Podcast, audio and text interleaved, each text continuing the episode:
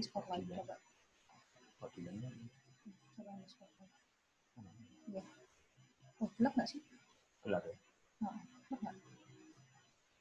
Iya, rada gelap ya. Eh, bentar, bentar. Gini kan? Iya, jauh lebih bagus kan? Iya. Iya. Cek, cek. Halo, Assalamualaikum semuanya. Waalaikum. Eh, Waalaikumsalam. suaranya terdengar jelas ya? Waalaikumsalam. Waalaikumsalam. Suaranya nggak nggak clear. Hah? Terlalu jelas ya? Suaranya nggak clear. Bu. Suaranya nggak kecil kecil apa ya? kecil suaranya Ya. Kalau gini jelas? ya Jelas, oke. Jelas Ustaz. Ini so Nah, ini soalnya ini mohon maaf apa di ruang tamu terus ya oke. Kurang ulem ya suaranya ya. Wah, bojone didelok enggak. Jenengnya aja santai. oke ya. Oke ya. Em, oke assalamualaikum warahmatullahi wabarakatuh. Selamat malam ya, teman-teman semua. Jadi ya ini apa kita ngobrol sebetulnya ngobrol, ngobrol santai aja walaupun eh, apa namanya tadi sempat kita share ya. Kita share materi ya kita share materi yang mungkin agak apa agak bisa dibilang berat karena memang ini hasil hasil penelitian hasil penelitian. Cuma eh, kita bawa ngobrol santai aja. Nah di ruang tamu di zoom ada Pak Ato ya. Nanti eh, mungkin juga apa ya kita diskusi gitu atau ngobrol gitu. Ada eh, ada Mas Anis Anis Waat ya. Ada Ustadz Niki ini juga saya lihat juga berkenan eh, nanti juga memberikan ya. memberikan tausiah ya Tausiah singkat singkat lah terus? Wali Ustaz, saya dengerin tausiah antum ini. ya ya. Ini ada eh, yang teridentifikasi ini sudah ada dua ustadz ini. Ustadz Atok dan Ustadz Ustadz Niki. Terus yang lain ada tem- eh, teman ada Mas Dian Santo ada Bu Eni ada Mbak Silvi ada Aisyah ya Aisyah. Terus eh, yang lain. Mungkin yang, yang lain saya lihat di sini ada yang gabung di di apa ya di Facebook, Live Facebook ya. juga ada beberapa teman-teman saya ucapkan terima kasih. Ada Bu Lili ada Mas Hendri ada ada siapa Mas Ibat dan Banyak Mbak sekali. Eka dan yang lain-lain lah oke. Nah nanti kita ngobrolnya untuk teman-teman yang sudah masuk di Zoom. Ya, nanti kita ngobrolnya via eh, Zoom langsung boleh nanti. Terus kemudian untuk teman-teman yang via live chat di Facebook. Ya nanti ada beberapa hal yang perlu kita apa ya bukan kita jelaskan ya. Iya, kita, kita bagikan. kita bagikan nanti boleh eh, kita ngobrolnya juga di sini. Saya nanti sebagai fasilitator sebetulnya karena ini penelitiannya penelitiannya Bibu ya saya manggilnya Bersama biasanya tim. Bibu bersama, tim ya bersama. nanti juga ada mahasiswa eh, Iya. yang yang ini datang. juga Sepertinya belum ya datang. sepertinya belum datang nanti menyusul Iya. oke gitu ya Oke. kita ini dulu ini bukan presentasi tapi kita coba paparkan beberapa hal yang terkait dengan penelitian ini ya Iya. ya oke Oke, ah, assalamualaikum warahmatullahi wabarakatuh. Ah, Bapak Ibu semuanya, kita senang sekali akhirnya dapat kesempatan ini ya. Karena topik ini sebenarnya penting nggak penting katanya Mas Ilham ya. Antara penting atau nggak penting. Jadi eh, prinsipnya juga nanti sepanjang kita ngobrol, saya juga sebelumnya di disclaimer ya, karena kan sambil ngomong anak, nah ini dia ding ding ding ding datang. Jadi nanti mungkin sepanjang ngobrol, barangkali nanti ada sedikit disrupsi ya, saya mohon Ya. dimaafkan ya nanti kita apa namanya mohon pamit juga kalau misalnya ada eh, pamit sebentar kalau misalnya ada kebutuhan-kebutuhan yang sekecil. Eh, mungkin sebelum kita mulai pengantar sedikit mungkin ya, ya, ya Mas oke ya ya pengantar sedikit jadi eh, mungkin Bapak Ibu ada yang baru ketemu sama saya kenalan mungkin lebih familiar sama Mas Ilham daripada sama saya mungkin ya. sama, sama Jadi Eh, saya Amel, jadi sekarang saya bekerja di Universitas Erlangga. Jadi bidang saya adalah eh, di psikologi, kepribadian dan sosial. Jadi memang nanti eh, yang kita akan banyak bahas itu lebih banyak ke perspektif psikologi. Jadi saya nggak akan bahas substansinya ya, nggak bahas substansinya teori konspirasi, nggak kita bahas di situ sekarang. Tapi kita akan lebih melihat soal uh, apa sih sebenarnya yang terjadi gitu ya. Da- eh, apa yang terjadi kita sedang menebak sebenarnya isi kepalanya Ya. para orang-orang yang percaya terus teori konspirasi itu yang kayak gimana gitu ya. Nah, terus kemudian sedikit latar belakang. Jadi memang minat riset saya itu eh, sebenarnya nggak nggak nggak nggak secara spesifik pada conspiracy belief-nya, tapi lebih ke framework yang agak lebih besar yaitu soal bagaimana orang awam itu membentuk sikap ya, membentuk sikap dan kepercayaan pada sains dan ilmuwan. Jadi conspiracy belief itu bagian dari eh, framework itu. Hmm. Karena kan pada pada dasarnya kan konspirasi eh, teori, teori konspirasi itu merupakan eh, anti narasi gitu ya, narasi kontra sains gitu ya. Jadi seperti itu dan saya sendiri itu mendalami bukan mendalami ya membaca dan menyukai topik ini tuh sejak 2018 sebenarnya ya. Ya, kita 2018. Jadi kita sebetulnya eh, mulai masuk ke topik ini satu tahun terakhir kalau eh, Hmm. Bibu mungkin lebih duluan gitu ya. Hmm.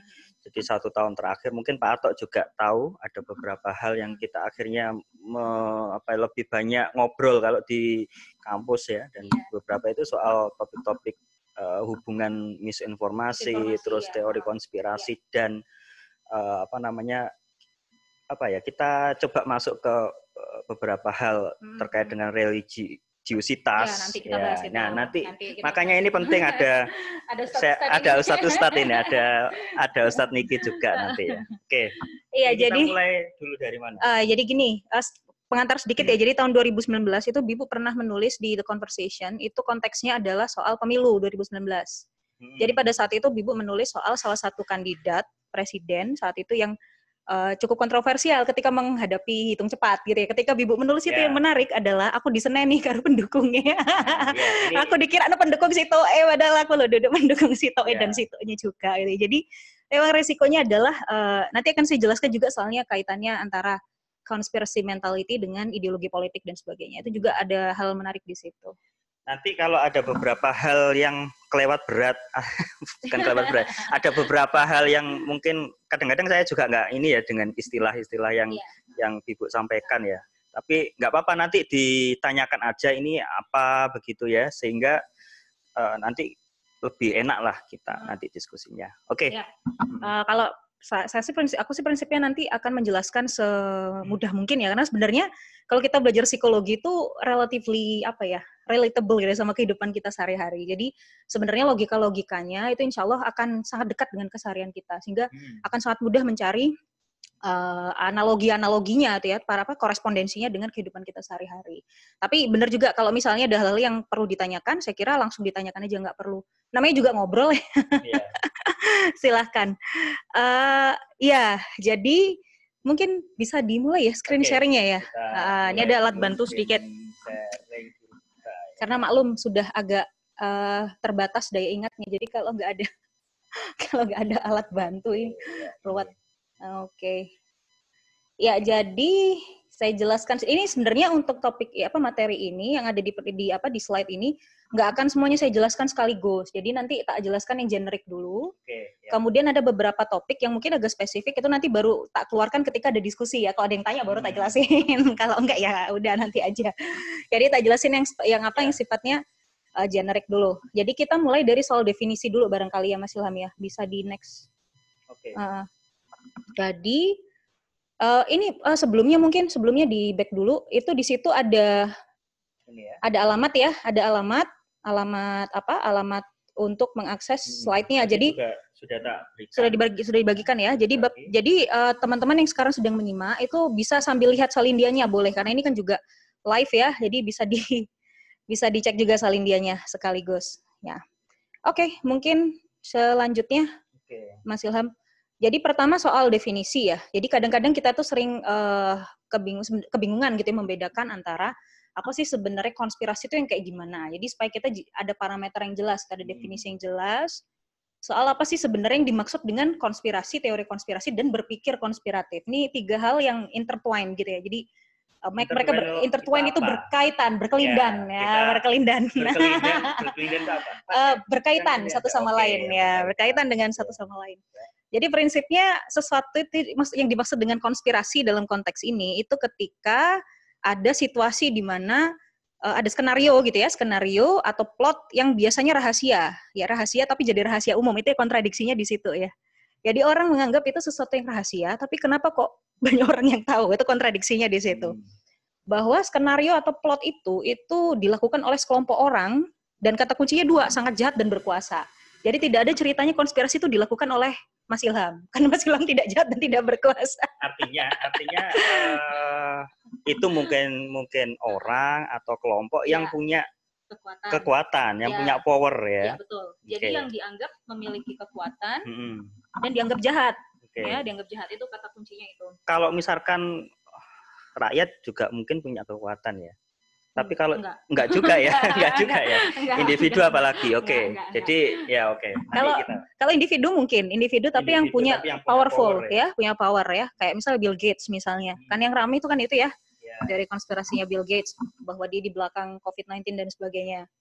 Nah, kemudian kalau teori konspirasi itu pada dasarnya eh, penjelasan-penjelasan ya, penjelasan-penjelasan yang biasanya digunakan untuk menjelaskan kejadian penting di dunia. Jadi kalau cuma sekedar kejadian-kejadian yang terjadi eh, sehari-hari ya tentu saja ini nggak termasuk sebagai konspirasi gitu. Tetapi eh, kejadian-kejadian yang penting ya, kejadian yang penting di dunia bahwa kejadian penting itu ada skenario dan plot di baliknya yang dikerjakan oleh orang-orang yang sangat powerful gitu dan berkuasa dan jahat gitu. Iya, iya. Itu teori konspirasi. Eh, kemudian selanjutnya adalah apa itu berpikir konspiratif. Nah, ini yang domainnya orang psikologi di sini. Jadi domain risetku adalah pada berpikir konspiratif. Jadi bagaimana eh, teman-teman di psikologi itu mencoba untuk memahami ya, memahami kenapa kok ada sebagian orang itu yang punya belief atau kepercayaan bahwa teori konspirasi itu benar-benar terjadi. Ya, pada sebenarnya kalau kita mau ngomong soal di proses pengetahuan ya, teori konspirasi itu nggak layak disebut dengan teori sebenarnya gitu ya. Iya. Kenapa? Karena pertama dia overcomplicated, pertama terlalu kompleks ya. Saking kompleksnya itu bahkan dia tidak bisa difalsif, nggak bisa difalsify, nggak bisa difalsifikasi. Artinya apa? Dia nggak bisa dibenarkan benar atau salahnya. Hmm. Jadi dia pada domain yang sangat spekulatif dan itu tidak datang dari uh, perenungan yang sungguh-sungguh atau tidak tidak tidak datang dari uh, perenungan yang sifatnya metodis meskipun kelihatannya metodis dan analitis. Ya. Kelihat gini, Kelihatannya. bahasanya itu kelihatan ilmiah atau kelihatan ilmiah, tapi sebetulnya tidak masuk dalam kategori itu gitu. Hmm. Sehingga sebetulnya nggak juga nggak layak dikatakan teori Betul. ya karena konstruknya berbeda begitu ya. Ya, betul. Jadi pada dasarnya ya itu tadi bahwa kalau teori dalam perspektif uh, diskursus apa ya diskursus ilmu pengetahuan, maka Hmm. teori itu adalah sesuatu yang dimungkinkan orang itu melakukan ilmuwan itu melakukan falsifikasi ya membuktikan bahwa mem- ah, bukan membuktikan artinya pada prinsipnya dia bisa digugurkan ketika ada bukti ya ada bukti yang bertentangan dengan teori tersebut kayaknya kira-kira seperti itu Singkatnya seperti itu. Ya. Ah, selanjutnya kemudian ini per, kenapa nah ini yang menurut saya one million apa one million eh one million dollar questionnya jadi pertanyaan berhadiah sejuta dolar ya kenapa kok bisa ada orang yang percaya Ya. Dan nanti kita juga ini ya. Kenapa kok bisa ada yang percaya lihat dari hasil penelitian yang nanti Mm-mm. Itu juga membuat kita kaget ya. Ternyata Ya. ya. nggak kaget-kaget banget sih sebenarnya nggak ya. Nggak.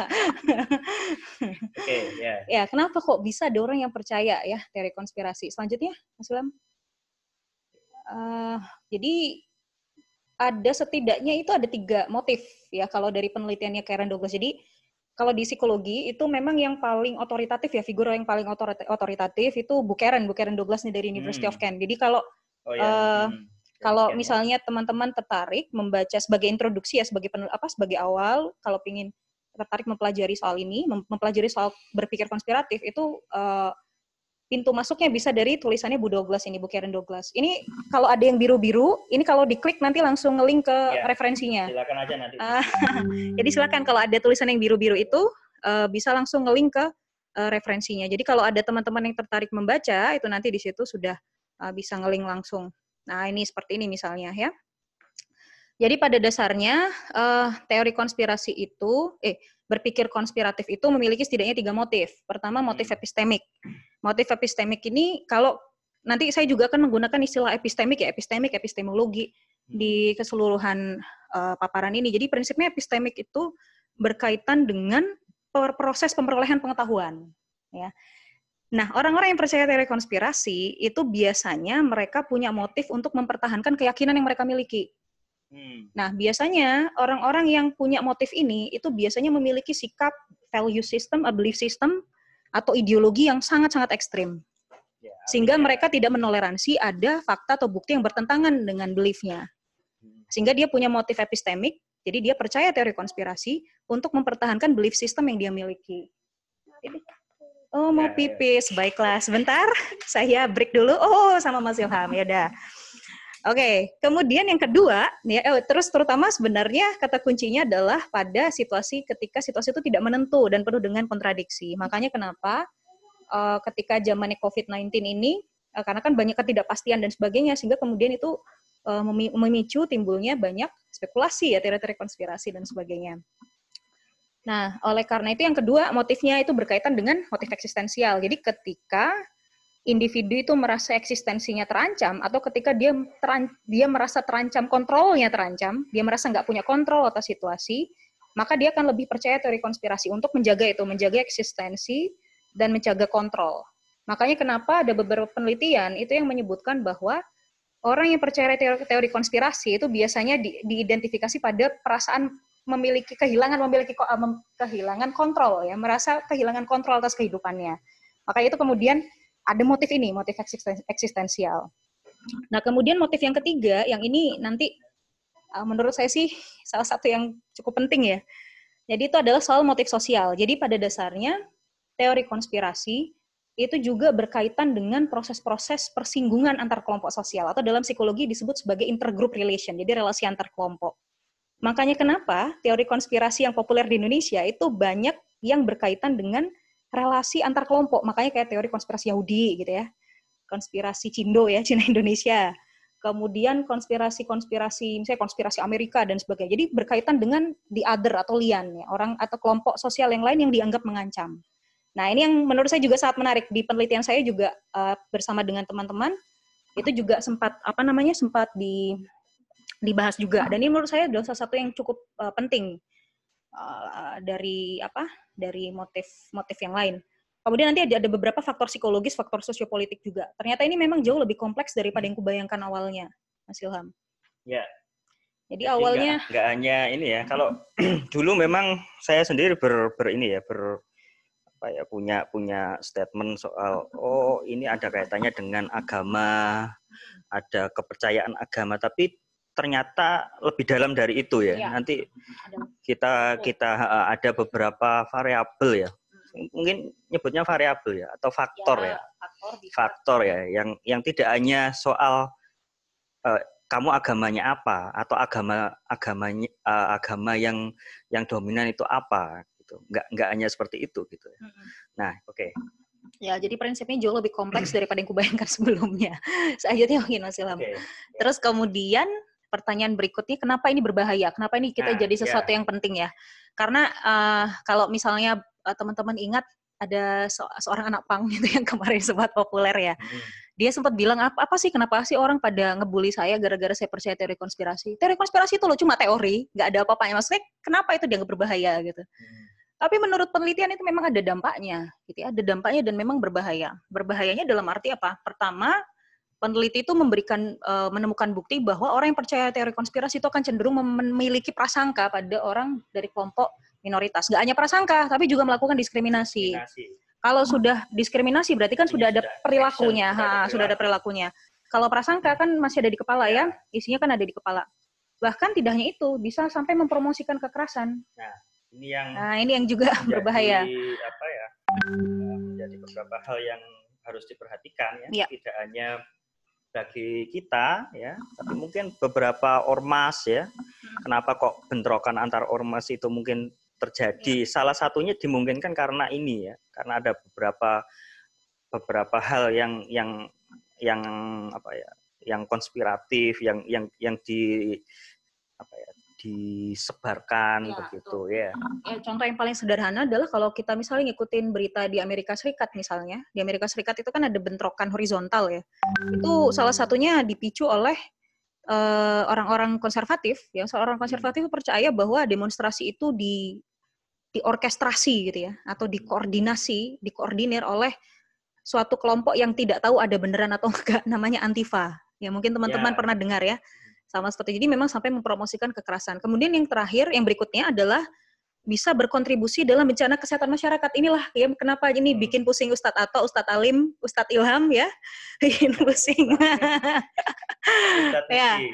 Ustadz Niki pusing semua ya satu satu Indonesia karena bisa ini kalau yang sudah ada buktinya itu yang berkaitan dengan keraguan-raguan terhadap vaksinasi. Nah ini nanti Vira udah masuk nanti Vira juga bisa jelaskan ya di penelitiannya. Kemudian selanjutnya. Apa berbahaya berikutnya adalah menurunkan partisipasi publik yang sudah ada buktinya adalah orang tuh jadi tidak mau berpartisipasi secara politis. Kemudian yang kedua menurunkan perilaku konservasi dan ini berkaitan dengan kalau orang tuh percaya teori konspirasi di balik perubahan iklim. Nah, Nah, jadi dia nggak mau melakukan teori Ini kons- kayaknya melakukan perilaku konservasi. ada Mas Fauzan ini. Nah, ada Mas Fauzan ini. Eh, ada aktivis eh, KHM ya. soal ngomong soal lingkungan ini tentang perilaku konservasi ya. Nanti bisa nimbrung. Tapi ini memang eh, untuk perubahan iklim itu eh, untuk teori-teori konspirasi soal perubahan iklim itu memang nggak sampai di Indonesia. Memang yang lebih eh, populer itu di Amerika Serikat Ya, daripada di Indonesia. Eropa, Iya, ya. benar. Dan ini sebenarnya untuk partisipasi publik akan sangat menarik ketika kita mendetek, kita, kita coba lihat investigasi kalau orang itu percaya pada teori-teori konspirasi yang berkaitan dengan COVID-19, itu berka- itu akan ngefek nggak sama kemauan mereka melakukan perilaku pencegahan. Itu mungkin jadi menarik ya. Mungkin nggak tahu, belum ada Ya. mungkin ada yang sudah meneliti. Bisa jadi, bisa jadi karena memang terbukti berkaitan eh, apa ditemukan bukti bahwa orang yang percaya teori konspirasi itu cenderung menurun partisipasi politik dan cenderung nggak mau melakukan eh, perilaku konservasi. Lalu selanjutnya, nah apa yang terjadi? Nah ini dia. Apa yang sebenarnya terjadi? Saya tuh paling suka sama istilah, ya kalau nggak salah ini tulisannya Hayden.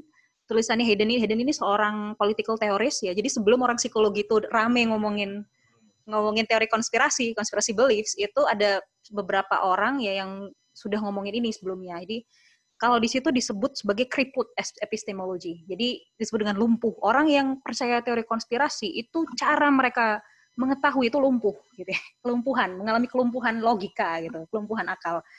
Apa yang terjadi biasanya? Yang paling sering, paling sering ditemui adalah mencocok-cocokkan sesuatu yang sebenarnya tidak ada hubungannya atau cocokologi. Kelum- kelumpuhan ini apa bisa dimaknai oh apa sebagai ini orang males berpikir lebih jauh atau apa ya eh, males mengeksplorasi pemikiran atau bagaimana? Kalau untuk malas itu nanti ada bahasannya sendiri soal Ah, motivated reasoning. be- Berbeda berarti. ya, Berbeda, kelumpuhan berbeda. Yang, yang di sini berbeda. Jadi bukan berarti dia malas atau enggan Hmm. melakukan melakukan apa proses yang lebih panjang untuk mengetahui. Karena pada dasarnya kalau kita lihat teori konspirasi itu kayak flat earth dan sebagainya itu sangat niat loh orangnya ya kan. Jadi sampai mencari detil-detil informasi itu mengarang-ngarang itu sampai niat banget. Jadi sebenarnya kalau dibilang malas nggak juga Mas, Mas Ilham. Ya.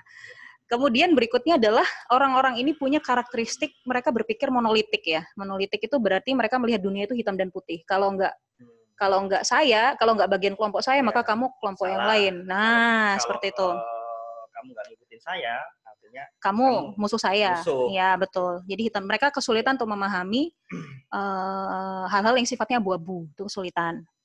Terus kemudian yang ini kesukaanku, ya bias kognitif ya bias kognitif itu eh, berarti ada ya pada dasarnya sebenarnya ini kan sesuatu yang sangat naluriah ya, artinya manusia tuh memang gudangnya salah gitu. Kalau kita di psikologi itu kalau saya ngajar mata kuliah kognisi sosial tuh saya selalu bilang sama mahasiswa, kalau kamu ikut mata kuliah ini, kamu semakin tahu bahwa manusia itu pada dasarnya nggak ada yang rasional gitu ya. Jadi rasionalitas itu jauh banget lah dari dari kehidupan kita sehari-hari gitu. Jadi pada dasarnya eh, apa namanya? Pada dasarnya manusia itu akan cenderung tidak rasional, tapi tidak rasional yang pada saat apa? Ketika itu berhubungan dengan teori konspirasi. Nah, pada dasarnya adalah eh, apa saja bi- bias bias-bias yang terjadi itu adalah bias konfirmasi yang pertama. Bias konfirmasi itu artinya orang itu hanya mau percaya hal-hal yang memang mau dipercayainya. Jadi dia cuma mau lihat bukti yang mengkonfirmasi beliefnya. Kalau ada yang bertentangan dia diabaikan sama dia, dia nggak mau gitu. Jadi, eh, ya, dia dia menguatkan ah. pendapatnya ya, Iya, betul. dengan mengambil sumber-sumber yang mendukung argumentasinya Iya, dia. betul. Oke. Betul sekali. Dan ini sangat berbeda. Nanti akan kujelaskan maksudnya apa di Iya, iya, selanjutnya. Terus kemudian ada desirability bias. Ini juga berkaitan sama bias, bias konfirmasi. Conjunction fallacy ini juga sangat berkaitan. Jadi kalau conjunction fallacy itu uh, orang-orang yang punya uh, punya tipikal percaya teori konspirasi, mereka akan cenderung meng apa ya, mengoverestimasi atau melebih-lebihkan perkiraan bahwa dua hal dua fenomena yang terjadi itu terjadi ada kaitannya ya. Jadi mereka melihat bahwa ini dua kejadian yang berbeda ini jangan-jangan ada kaitannya. Seolah-olah ini terjadi ada polanya gitulah istilahnya seperti itu. Kemudian eh, delusi non klinis ya ini kalau sudah ngomong halu-halu babu ya bahasanya orang-orang klinis. Delusional, tak- dia Delusi non-klinis. delusi non klinis ini maksudnya gini. Jadi ini mengarah pada simptom-simptom skizofrenia, delusi-delusi, Ah, jadi halu-halu halu-halu babu lah istilahnya ya. Ah, Tapi dia tidak cukup adekuat, tidak cukup meyakinkan untuk sampai di diagnosis skizofrenia. Oke. Ini Jadi ada- baru- saya lihat di apa di Facebook Live ini ada Pak Catur. Ya, Pak Catur nanti pasti inilah Wah. soal mental Kalau kalau kalau Pak Dokter Catur ya nanti menjelaskan soal ini halu-halu babunya ini, karena aku nggak tahu kalau ini ya. Tapi Iya, ini kepribadian ya, maksudnya baru ke, ke disposisi kepribadian sizotipi ya, men- mengarah pada skizofrenia, tapi nggak cukup eh, akhirnya didiagnosis menjadi skizofrenia. Dan cenderung paranoid ya, paranoid. Jadi orang-orang yang percaya sama teori konspirasi itu sangat paranoid biasanya. Kemudian yang menarik nih, menarik, menarik banget. Jadi orang-orang yang percaya teori konspirasi itu mereka cenderung punya keinginan atau motivasi untuk melihat ada pola dalam suatu keacak dari suatu peristiwa yang acak. Hmm. Contohnya adalah ada orang-orang yang percaya bahwa COVID-19 ini buatan manusia, rekayasa laboratorium, senjata yang- biologi. Yang kemudian merebak di mana-mana. Iya, merebak di mana-mana. Mereka itu butuh penjelasan atas sesuatu yang sebenarnya acak. Padahal kan sebenarnya kalau kita kita sandarkan pada ahli virologi dan sebagainya itu sesuatu yang purely acak, sesuatu yang memang terjadi di alam. Hmm. Tapi orang yang percaya teori konspirasi itu nggak bisa menerima itu. Jadi orang yang percaya teori konspirasi, mereka meng- mereka tuh mencari apa mencari apa ya namanya penjelasan atas uh, pola-pola yang mungkin terjadi dalam ya, ketidakteraturan. Dihubung-hubungkan kayaknya. Iya. dihubungkan ya jadi satu terus Hmm. kemudian dia tarik benang merah Iya, Gitu ya. tapi ngawur semua. Iya. Kalau dalam psikologi ini biasanya disebut dengan need for cognitive closure. Jadi orang punya keinginan untuk melihat pola dalam suatu ketidakteraturan. Hmm. Tapi yang menarik, nah ini yang paling menarik. Sebulan yang lalu itu ada seorang political theorist ya, namanya Pak Michael Bank Peterson dari Aarhus University. Itu menyebutkan sebaliknya, ada orang yang punya motivasi sebaliknya. Hancurkan aja kita bakar semuanya biar sekalian kacau. Jadi orang yang percaya teori konspirasi punya kemungkinan mereka itu punya need for chaos. Kenapa itu bisa terjadi? Karena zaman ketika karantina seperti ini orang kan nganggur di rumah kan? Ya. Mereka frustasi nganggur di rumah. lebih, lebih banyak aktivitas aktivitasnya pasti sangat turun Iya, mobilitasnya iya, pasti turun iya. itu itu Iya. jadi mikirnya aneh-aneh memang akhirnya. Iya. dan itu ya udahlah dihancurkan aja sekalian gitu. Dan ini berkaitan dengan motivasi untuk menebarkan rumor politik ya. Jadi memang mereka di rumah itu dalam kondisi isolasi itu yang mereka gunakan adalah hmm, mereka nggak tahan mereka frustasi jadi yang dilakukan adalah udah hancurkan aja bakar aja semuanya. Jadi di satu sisi orang yang percaya teori konspirasi itu mencari keteraturan ya. tapi di satu sisi ada yang punya motivasi mencari kehancuran.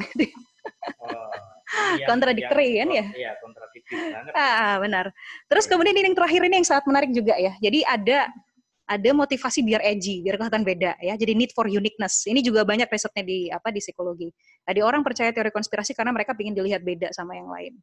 Kayak gitu.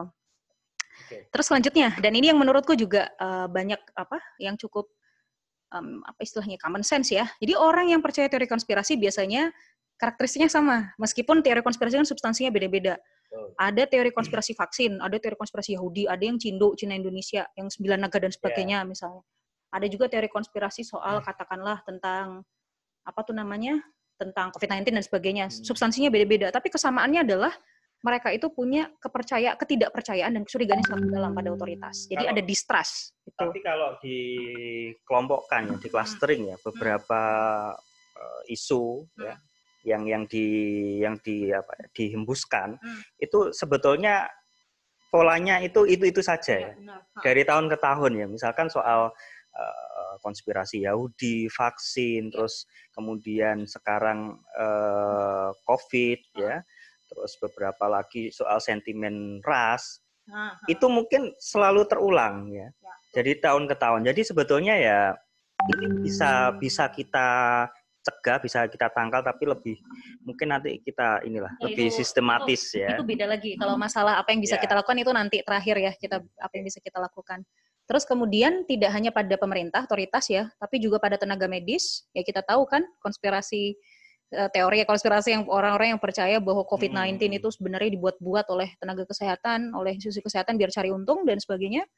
Itu juga ya di salah satunya mungkin dimotivasi oleh eh, termotivasi dimotivasi oleh eh, ketidakpercayaan pada sistem kesehatan, pada institusi kesehatan, pada tenaga Iya. medis dan sebagainya. Jadi ada faktor soal trust. Distrust, ya, distrust. distrust ya. Kemudian ilmuwan juga. Kemudian ada kelompok sosial yang berbahaya. Ya, kelompok sosial yang dianggap mengancam. Katakanlah Yahudi, Yahudi itu dianggap mengancam misalnya. Padahal orangnya nggak ada di sini gitu. Itu Ya, Ya. ini nanti menarik kalau masalah Yahudi-Yahudian karena ini risetku soal apa risetku bersama dengan teman-teman ini eh, tentang Yahudi-Yahudian. ya. Oke. Selanjutnya, kemudian, nah ini apa yang terjadi pada orang-orang yang eh, melakukan yang percaya teori konspirasi. Jadi mereka cari picking, cari picking itu mereka cari bukti yang pokoknya mendukung pilihan, mendukung beliefnya. Kalau enggak, mereka akan anggap itu sebagai anomali atau pengecualian. Itu makanya disebut dengan ini yang kemudian cherry picking ini bisa berujung pada confirmation bias atau bias konfirmasi. Jadi dia hanya mau percaya hal yang dia mau percaya. Ya. Makanya teori konspirasi orang yang percaya teori konspirasi mereka tuh nggak pernah cari data, mereka tuh nggak mau percaya sama data, kecuali data yang mendukung Ya, ini mendukung posisinya ini gitu. catatan ya. Iya benar. Catatan. Jadi bukan berarti orang teori kons- orang yang percaya teori konspirasi itu nggak mau lihat data, mau. Mau, Tapi ya. yang data yang yang mendukung makanya disebut dengan desirability bias ya, denial. Hmm. Kemudian orang-orang yang percaya teori konspirasi sering bilang gini, kenapa sih kok saya diajak-ajak? Saya ini kan lagi kritis gitu. Saya ini kan mengkritisi sistem gitu. Saya ini bukan berarti halu-halu bapu, enggak. Saya ini sedang kritis gitu ya. Padahal halu gitu ya. Ada bedanya gitu ya. Karena pada dasarnya being skeptical itu kan sesuatu yang sangat penting dalam proses pemerolehan pengetahuan buat saintis ya. Seorang ilmuwan itu memang harus skeptis. Tapi yang membedakan antara ilmuwan dengan orang yang percaya teori konspirasi adalah kalau ilmuwan itu lihat data yang beda sama keyakinannya, dia harus ganti pendapatnya. Dia harus menyadari Har- kelemahannya. harus Nah, mengganti opininya. Harus mengganti Ah, ah, opininya. mengganti ya. opininya sesuai Bukan dengan mempertahankan opini exactly dengan mencari data Pembenaran. pembenar, data-data exactly. pembenaran. Iya, betul sekali. Nah, ini yang yang susah ya. Yes. Yang kadang-kadang Ini butuh ya kerendah hatian intelektual. Nah, eh, menghilangkan ego dan yang lain-lain. exactly. Ini nanti akan kita bahas soal bagaimana mengatasinya ya. Jadi sangat berbeda antara menjadi skeptical dengan denial.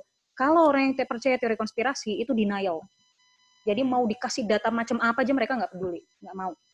Mau dikasih bukti seperti Terus apa percuma, pun, percuma. tetap tidak, Tidak ini ada, ya, tidak ada, ya. tidak bergeming. Jadi mereka akan selalu teguh pada pendiriannya. Oke. Jadi pada dasarnya mungkin eh, untuk masyarakat awam ilmuwan tuh kelihatannya kok pelin-pelan gitu ya. Kok kemarin Hmm. ngomong gini, besok sekarang gitu. Besok, ya, Nah, termasuk kemarin eh, soal masker. WHO, ya, soal Padahal masker. Kalau kita tahu nggak begitu. Nah, Jadi pada prinsipnya ilmuwan itu cara kerjanya begini. Kalau saya dapat bukti yang Ya. berbeda sama pendapat saya, Hmm. maka saya akan revisi pendapat Yes. saya. Ya. Karena kan namanya ilmu pengetahuan itu berkembang, alatnya Hmm. berkembang, metodenya berkembang, sehingga kemudian pemahaman kita itu Hmm. akan mengalami kebaruan, mengalami koreksi ya, self correction dan sebagainya. Nah ini yang berbeda dengan orang yang percaya teori konspirasi. Kalau orang yang percaya teori konspirasi mau dikasih tahu apa aja, bahkan ya, bahkan ya orang yang percaya flat earth, Ya. itu kalau diterbangkan ya, disuruh lihat di ISS, Ya. bentuknya bumi kayak apa. Aku yakin mereka bilang ini settingan semua. Saya nggak percaya ini settingan ini pasti konspirasinya NASA. Jadi percuma ya, percuma mau diapa-apain akan percuma. Oke. Seperti itu. Kemudian selanjutnya, Mas Ilham, karakteristik apa yang terjadi pada orang yang percaya? Nah, ini dia. Ini yang berbahaya. Ini kalau Bapak Ibu, misalnya teman-teman lihat ya Donald Trump ini ngarangnya luar biasa. Ini keluar karang cerita yang aneh-aneh.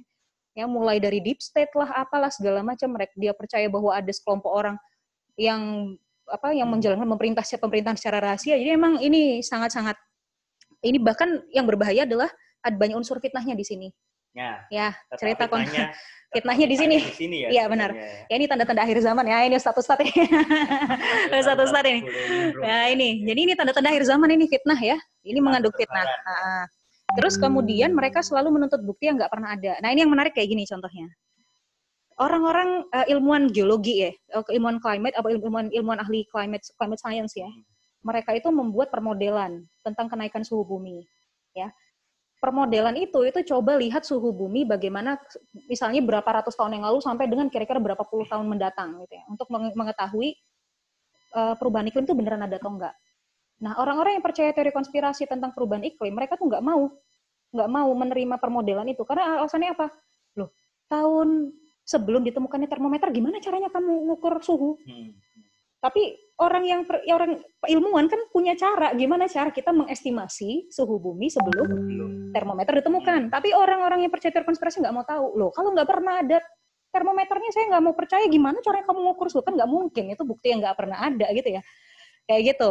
Terus kemudian kadang-kadang orang yang percaya teori konspirasi, burden of proof-nya itu diletakkan pada orang yang dituduh, bukan orang yang menuduh. Jadi misalnya gini, aku nih ada percaya teori konspirasi Oke. ya, tentang tenaga medis sama Ya, yang Rumah sakit yang kan tenaga medis ini kayak mencari difitnah ya, keuntungan, mencari difitnah keuntungan dan sebagainya. itu. Terus ya, padahal oke. ini simulasi ya, simulasi Ya. percakapan antara orang yang percaya teori konspirasi. Bapak, Bapak tenaga medis ya, pasti cari keuntungan dan sebagainya gitu. Ya. Pasti kan jawabannya Mas Ilham apa? Pasti Enggak, kita, gitu. Enggak. Ini kita eh, kita loh Enggak, dapet separ- gaji, iya, enggak dapat masih- gaji segala macam dan sebagainya. Hmm, nggak dapat tunjangan yang seperti yang diberitakan Nah, itu. Terus tapi kira-kira respon- resiko. Ya. Kalau aku bla, bla, bla, kalau ya. aku menuduh seperti itu, normalnya kan burden of proof-nya. Jadi orang yang harus membuktikan adalah yang menuduh. Kan aku yang Ya. harusnya membuktikan. Tapi Tapi enggak, terbalik. terbalik. Burden of proof-nya adalah yang, kita yang Exactly, ya. berusaha untuk membuktikan, tetapi Nah. belum tentu Nah, misalkan Dipercaya. dipercaya. ya iya benar. Jadi ya, Jadi itu sudah keliru kan logikanya. Kalau orang itu menuduh, burden of proof-nya itu pada orang yang menuduh. ya, dia mencari bukti sendiri kan begitu Iya. ya. Kalau dia punya tuduhan bahwa tenaga medis itu mencari untung, harusnya dia punya bukti. Mana buktinya kan Hmm. gitu. Bukan ketika dituduh, ya udah kamu buktikan bahwa kamu nggak cari untung loh. Kok kan kebalik kan kalau kamu nuduh ya. mestinya kamu yang punya bukti gitu. Itulah. Nah, seperti itu ya. Makanya hampir eh, katakanlah cek fakta yang disebarkan baik itu Hmm, pemerintah maupun hmm. otoritas agama, mungkin banyak hal eh, teman-teman jurnalis ya. Itu rasanya kayak apa ya, menebar eh, garam di lautan gitu. Ya, karena karena tetap aja seperti itu. Mungkin teman-teman inilah bisa cek di grup WA-nya gitu kan. Berterbaran sekali begitu ya. ya, ini Dan juga itu membuat kita lelah. gitu. itu nanti eh, kita bisa bicara itu lebih lebih panjang ketika apa bicarakan soal apa yang kita bisa lakukan ya nanti terakhir. Hmm. Selanjutnya, Mas Ilham. Oke. Kemudian selanjutnya adalah berkaitan dengan, nah ini ini ini adalah satu penelitian yang menurut saya juga sangat menarik yang menunjukkan bahwa eh, ekstremitas ideologi politik ini konteksnya adalah ideologi politik. Hmm. Jadi penelitian ini dilakukan di Belanda, kemudian dilihat apakah sebenarnya orang-orang yang sayap kiri, ya kalau sayap kiri itu identik dengan sosialisme dan sebagainya, orang yang sosialis, kemudian dibandingkan dengan orang-orang kanan, sayap kanan yang konservatif, itu kira-kira mana yang lebih mungkin percaya teori konspirasi. Nah, yang menarik adalah kalau kita lihat di sini gambarnya, ya gambarnya ini kan melengkung ya, Yang mana? Yang melengkung, atas? yang atas dan yang bawah kan agak agak sedikit melengkung. Itu disebut dengan curve linear atau quadratic relationship. Artinya apa? Orang yang percaya teori konspirasi adalah yang paling ekstrim di kanan dan kiri. Hmm. Ya, jadi orang yang paling ekstrim di kanan dan kiri. Jadi orang yang punya ideologi politik sangat ekstrim ke kanan dan Atau sangat, sangat ekstrim ekstrim ke kiri, mereka akan cenderung percaya teori konspirasi. Tapi kalau kita lihat lagi antara yang kiri sama yang kanan mana yang lebih tinggi? Iya. Yang kanan. Yang kanan. ya? Iya, karena memang orang-orang konservatif itu cenderung lebih rentan daripada orang-orang yang left leaning. Tapi kalau kita terjemahkan ke bahasa ke konteks Indonesia emang agak sulit karena kan soal ideologi politik Ya. ini agak agak rep, agak ribet Nah, ya. Ini Beda. yang yang mungkin uh, beberapa riset yang terkait dengan ideologi kalau kita terapkan di Indonesia itu agak susah karena Hmm. basis ideologi kita memang Nggak jelas. jelas. ya. Kita ngomong kalau di uh, luar negeri katakanlah kanan itu konservatif, Ah, ya kan? Hmm, Kiri sosialis. sosialis Iya. itu jelas gitu Ah. ya. Tapi kalau di di sini agak berbeda mungkin ya. Ada konservatif itu diidentikan dengan Kon- sebenarnya kan ideologi politik itu berkaitan dengan proses demokrasi yang ada di negara Hmm, tersebut. Kalau di Indonesia kan memang tidak ada ideologi kan ideologi cuma satu kronisme, ya. Ya apa caranya menguntungkan Ya, dirinya ya. dan kelompoknya itu aja semua. Jadi nggak ada kiri kanan nggak ada gitu. Jadi, Polarisasi ada, hmm, betul. Polarisasi memang ada, tapi kalau kita lihat sebenarnya polarisasi ini kita melandaskan ideologi politik pada polarisasi yang terjadi. Sekarang mungkin berbeda trennya ya dibandingkan 10 15 tahun Ya. yang lalu. Memang ada polarisasi betul.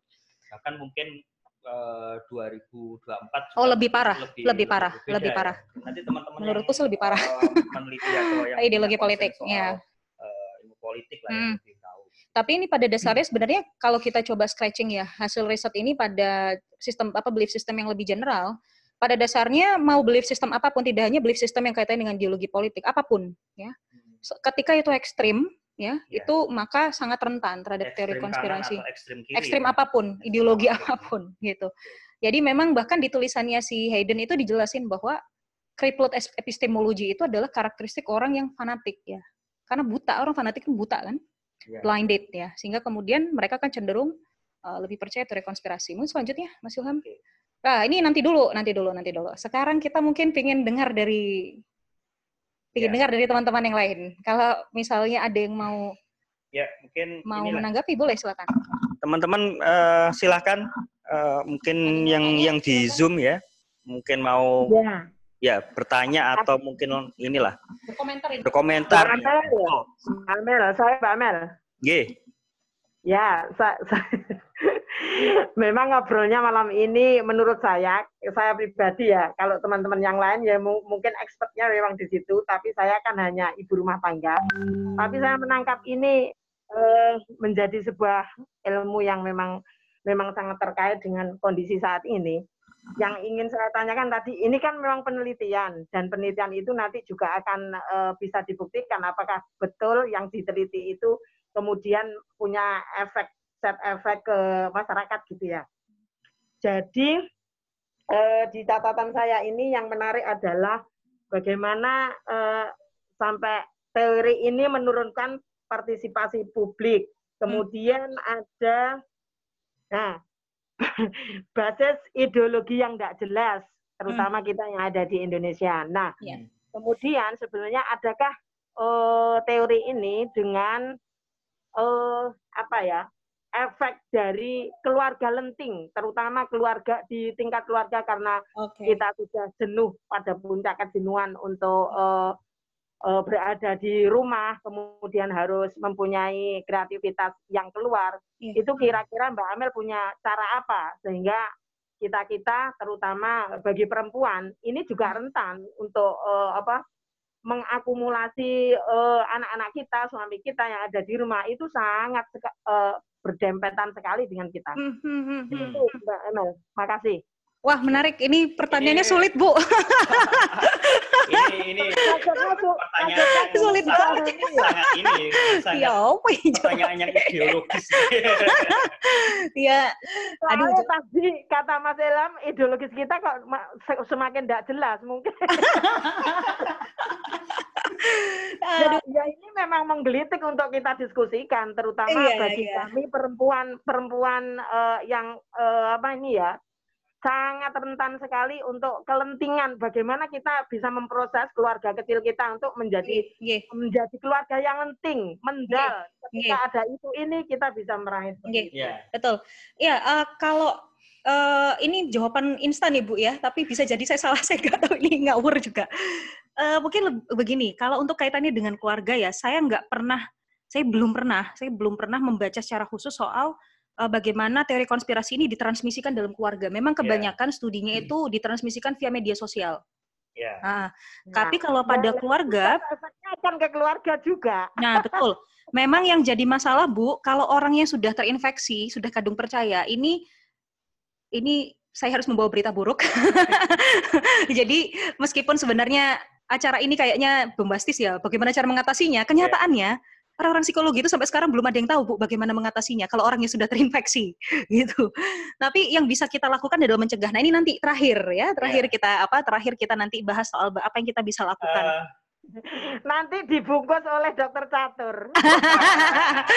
ya, Oke. mungkin nanti, nanti Nggih. eh, dokter Catur belum ma- masuk ke Zoom. Videonya masih repot. Ya. Nggih. Jadi kalau yang mungkin pertanyaan Ibu soal bagaimana mekanismenya kok bisa gitu ya. Orang yang percaya teori konspirasi itu sampai menurunkan partisipasi ya, partisipasi Hmm. politik dan sebagainya.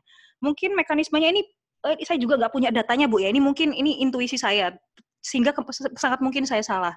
Jadi bisa jadi orang yang percaya teori konspirasi, kita kalau di psikologi kita percaya bahwa keyakinan atau belief atau sikap itu punya dampak pada perilaku. Tapi kita tidak pernah benar-benar yakin, ya tidak pernah benar-benar yakin kira-kira pada saat seperti apa keyakinan kita itu bisa jadi perilaku. Contohnya gini, aku benci banget sama Mas Ilham. Ya. Ya misalnya ya, ini kan Ya, sikapku oke. pada Mas Ilham Hmm. gitu ya. Tapi apakah kebencianku itu bisa membuat aku tuh jadi nyuekin Mas Ilham? Itu kan sudah jadi perilaku ya, men- Ya. mencuekin atau bahkan Bisa ngejek. jadi malah sebaliknya itu. Nah, atau saya sangat cinta sama Mas Ilham misalnya, Bu ya. Ya kan sudah jadi perilaku. Tapi mekanismenya kenapa kok bisa orang itu keyakinan atau sikapnya itu bisa jadi perilaku? Penjelasannya, Bu, penjelasan yang sangat mungkin, tentu bisa jadi saya salah. Orang yang percaya teori konspirasi itu punya keyakinan yang sangat kuat. Ya, keyakinan yang sangat Iya. kuat atas sesuatu. Dan Nah, jadi orang psikolog gitu sepakat bagus ya Mbak. dalam Kalau Dalam- berimbang bagus ya. Apa itu? Kan kalau ini loh, lihat li- lihat gambarnya itu tadi loh. Iya, iya. Eh, a- antara kanan dan kiri mestinya itu harus seimbang. mestinya seimbang tapi Ya. ternyata datanya menunjukkan yang kanan lebih Ya. tinggi sedikit bu jadi eh, jadi gini bu eh, salah satunya yang menyebabkan kenapa kok kemudian itu menjadi perilaku karena kekuatan sikapnya keyakinan yang sangat kuat itu kemudian membuatnya lebih predictable sehingga bisa memprediksi perilaku karena kekuatan sikapnya yang sangat kuat karena orang yang percaya teori konspirasi itu dia punya keyakinan yang sangat kuat terhadap nilai-nilai keyakinan atau opini yang mereka miliki jadi mungkin itu yang membuat kenapa perilakunya menjadi terdampak oleh keyakinan yang keliru itu. Ya. Seperti itu. Mudah-mudahan ini menjawab. Tapi Ya. kalau untuk keluarga Bu, ini dia yang sulit. Eh, sebetulnya ini Gimana Mas ada tiga pertanyaan di penelitian besar. Oh ya, nanti kita akan coba. Nah, Kita nanti, coba ini. eh, mungkin masukan dari tadi dari Bu Aisyah, Bu Sumi, Iya. itu eh, nanti bisa kita masukkan ke dalam pertanyaan penelitian juga, Bu. Atau mungkin kajian kenapa itu masuk ke keluarga, bagaimana eh, kita mencegahnya. ya. Itu itu eh, jadi masukan juga. Eh, kita malam ini sebetulnya tidak hanya memaparkan ya, tetapi eh, kita juga ingin apa ya Bikin dengar. ingin dengar perspektif. dari berbagai macam perspektif. Makanya Iya. eh, kita buka begitu. Oke, matur nuwun. Eh ini dari se, tadi ada ini dari Mas Anis ya, Mas Anis. Jadi teori konspirasi dan konspirasi itu sendiri belum tentu ada kaitannya ya. Oke. Oke, Jadi- terus selanjutnya nanti eh, ada Pak Atok setelah ini. Oke. Baiklah, jadi untuk teori konspirasi dan konspirasi A, pada dasarnya kan teori konspirasi itu lebih ke arah penjelasan, penjelasannya. Penjelasan bahwa ada situasi penting di dunia ini, kejadian penting yang di dunia ini itu berkaitan dengan plot atau kelompok atau apa istilahnya ya? eh, rekayasa, Rekayasa, Nah, dari sekelompok orang yang ah. dan yang menarik memang di beberapa penelitian itu disebutkan Mas bahwa orang itu orang yang percaya teori konspirasi itu kemungkinan bisa percaya dua kon- dua teori yang bertentangan. Nah ini, Contohnya ini gini. saya, saya sendiri baru baru tahu ya. Ya, contohnya gini. Iya. Ada orang di barat, kalau di barat kan memang kan kalau di Amerika di Eropa itu kan eh, populer soal teori konspirasi kematiannya Lady Di ya. Ya, ya, Lady sampai Di. sekarang. Ah, sampai sekarang kan ya Iya. masih jadi spekulasi. Hmm. Jadi orang itu bisa percaya bahwa Lady Di itu bunuh diri dan dibunuh oleh MI5 sekaligus. Jadi dia percaya bahwa Lady Di itu bunuh diri dan dia juga percaya bahwa dibunuh sama MI5. Gimana caranya orang bunuh diri dan dibunuh sekaligus? Gimana menurut Ayah coba Kayak gitu. Terus iya ada. agak susah Iya, ya, ya memang sulit gitu. Terus kemudian kalau ditanya, dia pasti akan membuatnya menjadi semakin rumit daripada yang sebenarnya. Itulah yang menjadi karakteristiknya orang percaya teori konspirasi. Dan bahkan mereka bisa percaya dua teori konspirasi. Maka orang kalau sudah percaya satu teori konspirasi, Iya. mereka akan punya kecenderungan untuk percaya teori konspirasi yang lain, meskipun nggak ada kaitannya sama teori konspirasi satunya. Hmm, Misalnya aku percaya teori konspirasi Yahudi. Ya. Ada kemungkinan aku juga akan percaya teori konspirasi tentang orang-orang Cindo, orang Cina Indonesia. Meskipun nggak ada kaitannya. kaitannya ya oke. Iya, nggak ada kaitannya mungkin ya. Seperti itu. Oke, terus Pak Atok kalau kalau misalkan bisa speak up langsung barangkali lebih enak. kalau misalkan bisa ya. Nah, ini ini. Oke. saya sambil anu soalnya sambil dengerin ya jadi kalau apa mendengar kabar buruk dari ibu tadi itu kan jadinya kita akhirnya bertanya ya Mm.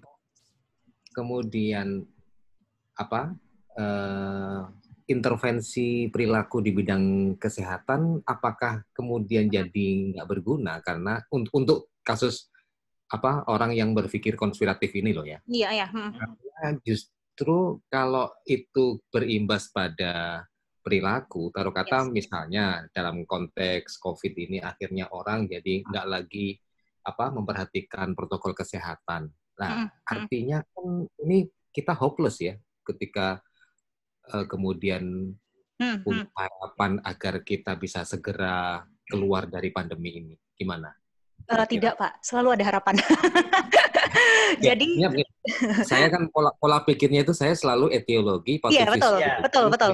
Nah, Jadi, ini. jadi kalau kita melakukan fact check, Pak ya, atau koreksi, itu sebenarnya bukan untuk orang yang sudah percaya, Pak. Tapi untuk orang-orang yang belum percaya. Jangan sampai ikut-ikutan percaya. Oh. Jadi kita menyelamatkan orang yang belum terpapar. Nah, itu disebut dengan inokulasi. Nanti akan saya jelaskan soal inokulasi itu apa. Nanti terakhir. Seperti itu. Mungkin kita bisa teruskan soal ini ya, soal religiusitas ini menurut saya juga menarik. Kita Ya, nanti oke bisa ya. dengarkan Nanti, dari eh, kita juga bisa para ustadz ya. Ustadz atau mungkin eh, ustadz-ustadz yang lain yang kebetulan hadir ya. Guys, ini ada Ahmad nggak? Coba-coba lihat ada Ahmad nggak? Audi Ahmad di situ. Eh, Ahmad. Ahmad, Ahmad. Oh belum. Berarti nanti Vira aja berarti yang cerita. Oke. Selanjutnya mungkin ya, Kita ya ini ya. boleh langsung langsung soal vaksinasi, eh soal religiusitas. Nah ini Ini yang sangat menarik. Aku saya aku pribadi jujur aja ini sesuatu yang sangat sangat aku sangat passionate sama topik ini. Jadi ini mungkin juga sesuatu yang masih banyak misteri yang kita nggak tahu Hmm. soal apa namanya soal Belum. kaitan antara science and religion gitu ya. belum Belum banyak bukti. banyak, belum banyak eksplorasi Yes, walaupun ha. memang beberapa tulisan sudah bisa kita jumpai ya Hmm. soal kaitan Hmm. dengan religiusitas ya. Yes. Tapi sangat masih sangat dalam untuk apa ya kedalamannya untuk kita eksplorasi. ya. Jadi prinsipnya riset-riset sebelumnya itu memang menunjukkan bahwa eh, orang-orang yang percaya teori konspirasi itu bisa dijelaskan oleh proses-proses atau atau eh, fitur-fitur psikologis yang mirip dengan religiusitas tapi bukan religiusitas. Mirip dengan religiusitas yaitu adalah paranormal beliefs sama ada kuat apakah religiusitas ini berhubungan langsung dengan apa ya? eh, mungkin bisa dijelaskan dulu anta- perbedaan antara agama, Hmm. religiusitas, Ya. Terus kemudian sikap beragama Ya. atau yang lain. Kalau itu ditanyakan pada orang awam mungkin mudah ya. Tapi kalau ditanyakan sama orang psikologi pasti jawabnya gimana ngukurnya. Nah, ini yang, yang gimana nanti- definisinya? nanti Apa yang di- dimaksud dengan apa ya, religiusitas di- gitu ya? Dijelaskan dulu untuk Ah, uh, kita mengkaitkan Yes. dengan dengan ini. Ya, jadi yang sering jadi masalah peneliti-peneliti psikologi itu adalah persoalan dengan pengukuran ya, karena kita mengukur barang-barang goib. Ya, barang-barang goib yang kita nggak bisa observe langsung gitu ya. Karena kalau kita ngomong soal religiusitas, nanti pertanyaannya gimana cara kita mendefinisikan religiusitas? Apakah dihitung dari berapa kali orang itu sholat dalam sehari? Lelapo kene ngitung, kene duduk roket dan atit, ngono loh, ya kan? Atau gimana cara ngitungnya? Ya. Sehingga kemudian yang jadi kesulitan adalah eh, itu pad- biasanya berkutat pada hal itu dan penelitian-penelitian sebelumnya yang menunjukkan keterkaitan antara religiusitas dengan uh, dengan konspirasi belief atau bahkan tema-tema religiusitas pada umumnya itu biasanya menggunakan pengukuran yang sangat sederhana. Jadi sekedar ditanyain satu pertanyaan respondennya dari 1 sampai 10 seberapa religiuskah Anda? Udah gitu doang pertanyaannya. Maksudnya ah, Tapi- tapi apa maksudnya Tapi, gitu ya? iya, ukurannya gimana? Gimana? Maksudnya itu sangat nggak jelas. Itu sangat misalkan kayak misalkan dulu kita SD gitu ya, biasanya kan ada buku Ramadan, sholat berapa kali, terus nanti dicentang puasa enggak? Yes, iya. Apakah itu Nah, begitu? itu ya? itulah yang jadi Nah, masalah. kan itu yang jadi masalah. Jadi ya, kalau kalau sudah kita ngomong sama orang psikologi, jadi konsepnya begitu. Gimana cara ngukurnya? Apa definisikan gitu? Bayangkan kita harus mendefinisikan sesuatu yang goib, ya, yang nggak bisa diobservasi langsung. Sehingga kemudian memang konsep soal religiusitas ini menjadi sangat kompleks. Jadi kalau kita misalnya mengaitkan, ini memang sering jadi apa eh, jawaban yang sederhana, yang yang straightforward dan sederhana, bahwa orang-orang itu yang percaya teori konspirasi itu kolot gitu ya, secara agama, beragama Hmm. secara kolot misalnya, atau bahkan mungkin ada yang pakai bahasa-bahasa apa bahasa-bahasa awam yang sering kita temui di Indonesia mabuk agama dan sebagainya. hmm, Ternyata tidak sesederhana itu cara mendefinisikannya, sangat kompleks. itu juga definisi yang kadangkala salah difahami ya. Yes. Nah, Orang yang dikatakan dengan definisi mabuk agama itu yang katakanlah suratnya rajin, Nah, terus nah, apa? nah, iya. Padahal tidak seperti itu Nah, juga. tidak Itu seperti yang, itu. Yang definisi yang sangat ya, terlalu luas, terlalu Ya, panjang itu gitu. istilah- istilah. Istilah sebenarnya istilah yang menunjukkan sentimen negatif juga Ya, terhadap menunjukkan ya kita harus bilang itu Hmm. sentimen negatif terhadap eh, terhadap apa namanya terhadap eh, orang-orang yang Berada di kelompok luar tertentu. kelompok. ya orang keluar kelompok tertentu. Kemudian selanjutnya ya tapi yang menarik adalah ada satu penelitian yang aku baca ini mind blowing banget. Penelitian ini kalau misalnya eh, ini adalah ini yang awal yang atas ini asumsiku dan ini yang kemudian bikin aku jadi mikir kalau seandainya ya orang yang religius ya orang yang religius itu percaya teori konspirasi katakanlah. Oke. kenapa kok mereka itu ketika dikasih argumentasi oleh ahli agama itu tetap nggak mau coba Ini menjawab Logikanya loh. ya. logikanya loh kalau misalnya orang itu religius ya Hmm. karena religius kemudian dia percaya teori konspirasi mestinya kalau karakteristik kelompok eh, dengan sistem belief ya seperti Hmm. apa pada institusi agama misalnya meskipun memang dalam satu kelompok agama kayak Islam kan memang ada ada figur Ya. ya nggak tidak ada tokoh sentral kayak Paus gitu ya Sri Ya. Paus misalnya tidak tapi ada beberapa tokoh yang berbeda ya tokoh agama juga macam-macam tapi ketika itu disampaikan oleh tokoh agama generally ya Ya. itu nggak convincing kayak ini soal vaksin ini MUI sudah kasih Ya. fatwa dua tahun 2006 Hmm. ya tapi selalu ribut orang setiap kali pin muncul ya. Hmm. kalau udah jelas fatwanya MUI itu apa udah jelas gitu ya. Artinya udah nggak tidak ada lagi perdebatan di situ harusnya. Tapi orang masih masih bing- masih masih gitu. Terus soal kemarin COVID-19 itu semua organisasi besar keagamaan yang major ya. Itu Ya. semua punya pendapat yang sama kalau bisa dibilang oh, Rasulullah eh, apa Allah itu ngendikan hal yang sama. Dalam Al-Quran itu udah jelas. Ya. tanyalah pada ahli kalau kamu tidak mengetahui. Udah jelas lah kayak gitu ya. Rasulullah juga bilang kalau kamu sakit datang ke dokter. Kan Ya. gitu jadi artinya kalau kita lihat ya kalau dalam perspektif agama Islam ya ini tapi bukan bukan ini kursiku Kita- gitu kita Ustadz belum- ya. belum masuk. Nanti Eh, porsi porsi Ustadz Ustadz ini. Ya. itu udah jelas ya. udah jelas tapi kenapa orang tetap nggak percaya? Nah ini riset yang bawah ini yang dilakukan di Australia oleh Bu Yolanda Jatan sama temennya dari Finlandia itu yang menurutku sangat menarik bahwa mereka menemukan bahwa yang bikin yang berkaitan dengan teori konspirasi itu bukan pada afiliasi religius atau pada ajaran agamanya jadi bukan berarti pada afiliasinya gitu ya pada afiliasi atau self identificationnya gitu ya self identification soal uh, soal kelompok agama tertentu tapi adalah beli worldview-nya. Worldview itu berarti pandangan umum kita soal bagaimana dunia itu bekerja. Worldview yang kayak gimana? Yang mungkin, ini ini mungkin belum ada datanya ya, mungkin. Orang dengan karakteristik religius itu biasanya ditemukan bukan biasanya, lebih sering punya karakteristik mereka percaya bahwa dunia ini adalah sesuatu yang berbahaya. Jadi believe in the dangerous world ya. Bahwa dunia ini seperti believe in the jungle world ya. Jadi Ya. kita percaya bahwa dunia ini berbahaya sehingga kita harus memproteksi dan sebagainya ya sehingga itu berkaitan juga dengan disposisi kepribadian otoritarian jadi orang tuh akan cenderung menyukai pemimpin yang kuat yang otoriter dan sebagainya ya itu berkaitan dalam konteks Indonesia. dalam konteks apa pun ternyata Oh, ternyata enggak. Ada ya? nggak nggak di Indonesia aja jadi ketika punya worldview bahwa dunia ini adalah tempat yang berbahaya ya ada situasi yang mengancam itu ternyata mungkin itulah yang bikin orang tuh percaya teori konspirasi jadi worldview-nya bukan ajaran ataupun bukan afiliasinya Pandangan soal eh, Ya. ini ya.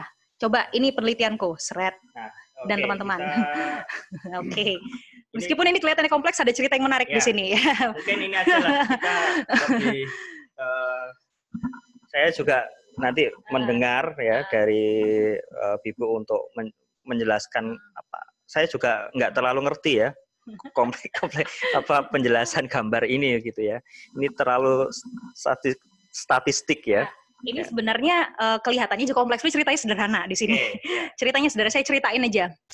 Eh, di situ ada beberapa variabel ya. Nanti aku ceritain variabelnya itu apa aja. Ya ini jadi penelitian ini adalah penelitiannya eh, mahasiswa bersama dengan Ibu ya. Jadi mahasiswanya Ahmad Man Ahmad nggak tahu, kayaknya lagi repot. Kalau misalnya ada nanti Ahmad bisa cerita sendiri ya. Ya. Jadi Ahmad itu kemarin meneliti soal eh, apa namanya kekolotan religius ya. Jadi kekolotan religius ini maksudnya adalah orang itu yang sangat kolot itu salah satunya ditandai dengan orang itu sampai menghalalkan kekerasan. Oke. Ya, menghalalkan Berarti, kekerasan eh, ketika atas nama agama. pentingnya adalah itu. ya salah satu indikatornya ya. Jadi artinya orang itu sangat kolot, artinya punya keyakinan yang sangat teguh pada ideologinya sehingga dia tidak me- dia tidak allowing dissenting opinion atau opini yang berbeda itu itu eh, apa diakomodasi dalam kognisinya itu nggak bisa. Bahkan ini secara ekstrem tuh bahkan membenarkan kekerasan ya, membenarkan. Bukan melakukan kekerasan ya, Membenarkan. membenarkan kekerasan. Oke. Tapi belum belum sampai ke Belum, belum. perilaku. Ya. nggak nggak sampai perilaku, baru membenarkan. Terus kemudian berikutnya adalah ancaman simbolik. Nah, ancaman simbolik ini berkaitan dengan relasi antar kelompok. Ya, relasi antar kelompok misalnya begini. kalau kita bersinggungan sama kelompok sosial yang lain, ya ada kecenderungan kita punya pandangan kelompok sosial itu mengancam. Ya, kelompok sosial lain itu mengancam eksistensi kelompok kita. Contoh yang paling sederhana tentang orang-orang Yahudi. Orang-orang Yahudi itu kan dianggap mengancam. Tapi ancaman itu ada yang realistis, ada yang simbolik. Kalau orang Yahudi di Polandia, itu Ya. itu realistis orangnya emang ada di situ. Ya. Karena teori konspirasi Yahudi itu, itu ternyata tidak hanya populer di Indonesia, tapi juga di Polandia dan juga di Malaysia. Eh, Dengan karakteristik yang berbeda di juga. Polandia itu eh, terkait dengan Nah, jadi tahun 2010 itu ada kecelakaan pesawat di Smolensk. Jadi pesawatnya kepresidenan Polandia itu jatuh di satu tempat di Rusia namanya Smolensk. Tahu nggak yang dilakukan orang-orang Polandia apa? Mereka percaya itu konspirasi Yahudi. Karena emang orang Yahudi itu punya stigma ya, stigma uh, cukup Ya, uh, besar ya, di soal sejarah, ah, soal ya, sejarah di masa lalu. Kedua. terus juga bahkan di, di apa diasosiasikan dengan penculikan anak dan sebagainya yaitu di Polandia tapi konten konspirasi Yahudinya berbeda sama di Dengan Indonesia, di Indonesia. Ah, ah, benar jadi anjam ancamannya itu bisa ancaman realistis bisa ancaman simbolik kalau ancaman simbolik ini adalah ketika kita menganggap kelompok sosial lain itu mengancam nilai-nilai kita sistem nilai kita sebagai kelompok sosial tertentu jadi kalau kita menganggap men- menganggap orang Yahudi itu ancaman bagi nilai-nilai keislaman, nah itu mungkin di situ. Jadi orang yang punya skor tinggi pada ancaman simbolis, mereka akan cenderung melihat orang-orang Yahudi itu akan uh, adalah ancaman bagi nilai-nilai keislaman. Yang jadi masalah adalah mungkin iya betul, tapi kan Yahudi itu adalah kelompok adalah terminologi yang sangat umum ya, ada variasi di dalam kelompok sosial itu. ya. Makanya itu yang membuat itu yang disebut kalau dalam psikologi itu intergroup bias ya. Intergroup bias. Jadi kita melihat kalau kita melihat teman kita sesama kelompok, orang sesama orang Jawa katakanlah, kita pasti bilang orang Jawa itu banyak macamnya, beda-beda. Nggak bisa disamain satu orang Jawa. Tapi kalau kita lihat kelompok lain, kita akan kesulitan kesulitan untuk melihat mereka tuh punya variasi juga di dalamnya. dan kita selalu biasanya cenderung oh kalau orang ini Pasti gini. itu pasti Ya, itu gini. Ya. kan? Nah, oke. Jadi begitu. Jadi kita kesulitan menangkap menangkap apa namanya menangkap menangkap variasi gitu yang terjadi di kelompok yang lain. Terus kemudian ini yang menarik adalah narsisme kolektif. Bayangkan orang tuh narsis itu kan mencintai diri sendiri.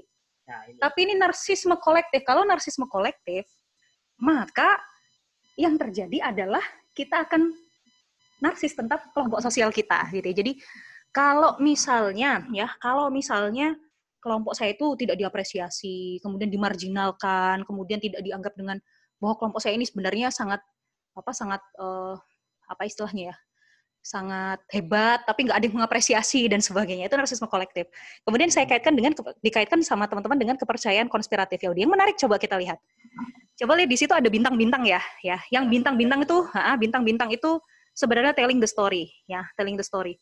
Kalau kita lihat ya kita lihat kaitan antara ancaman antara kekolotan religius dengan konspirasi Yahudi langsung secara langsung ya itu kan sangat kecil ya.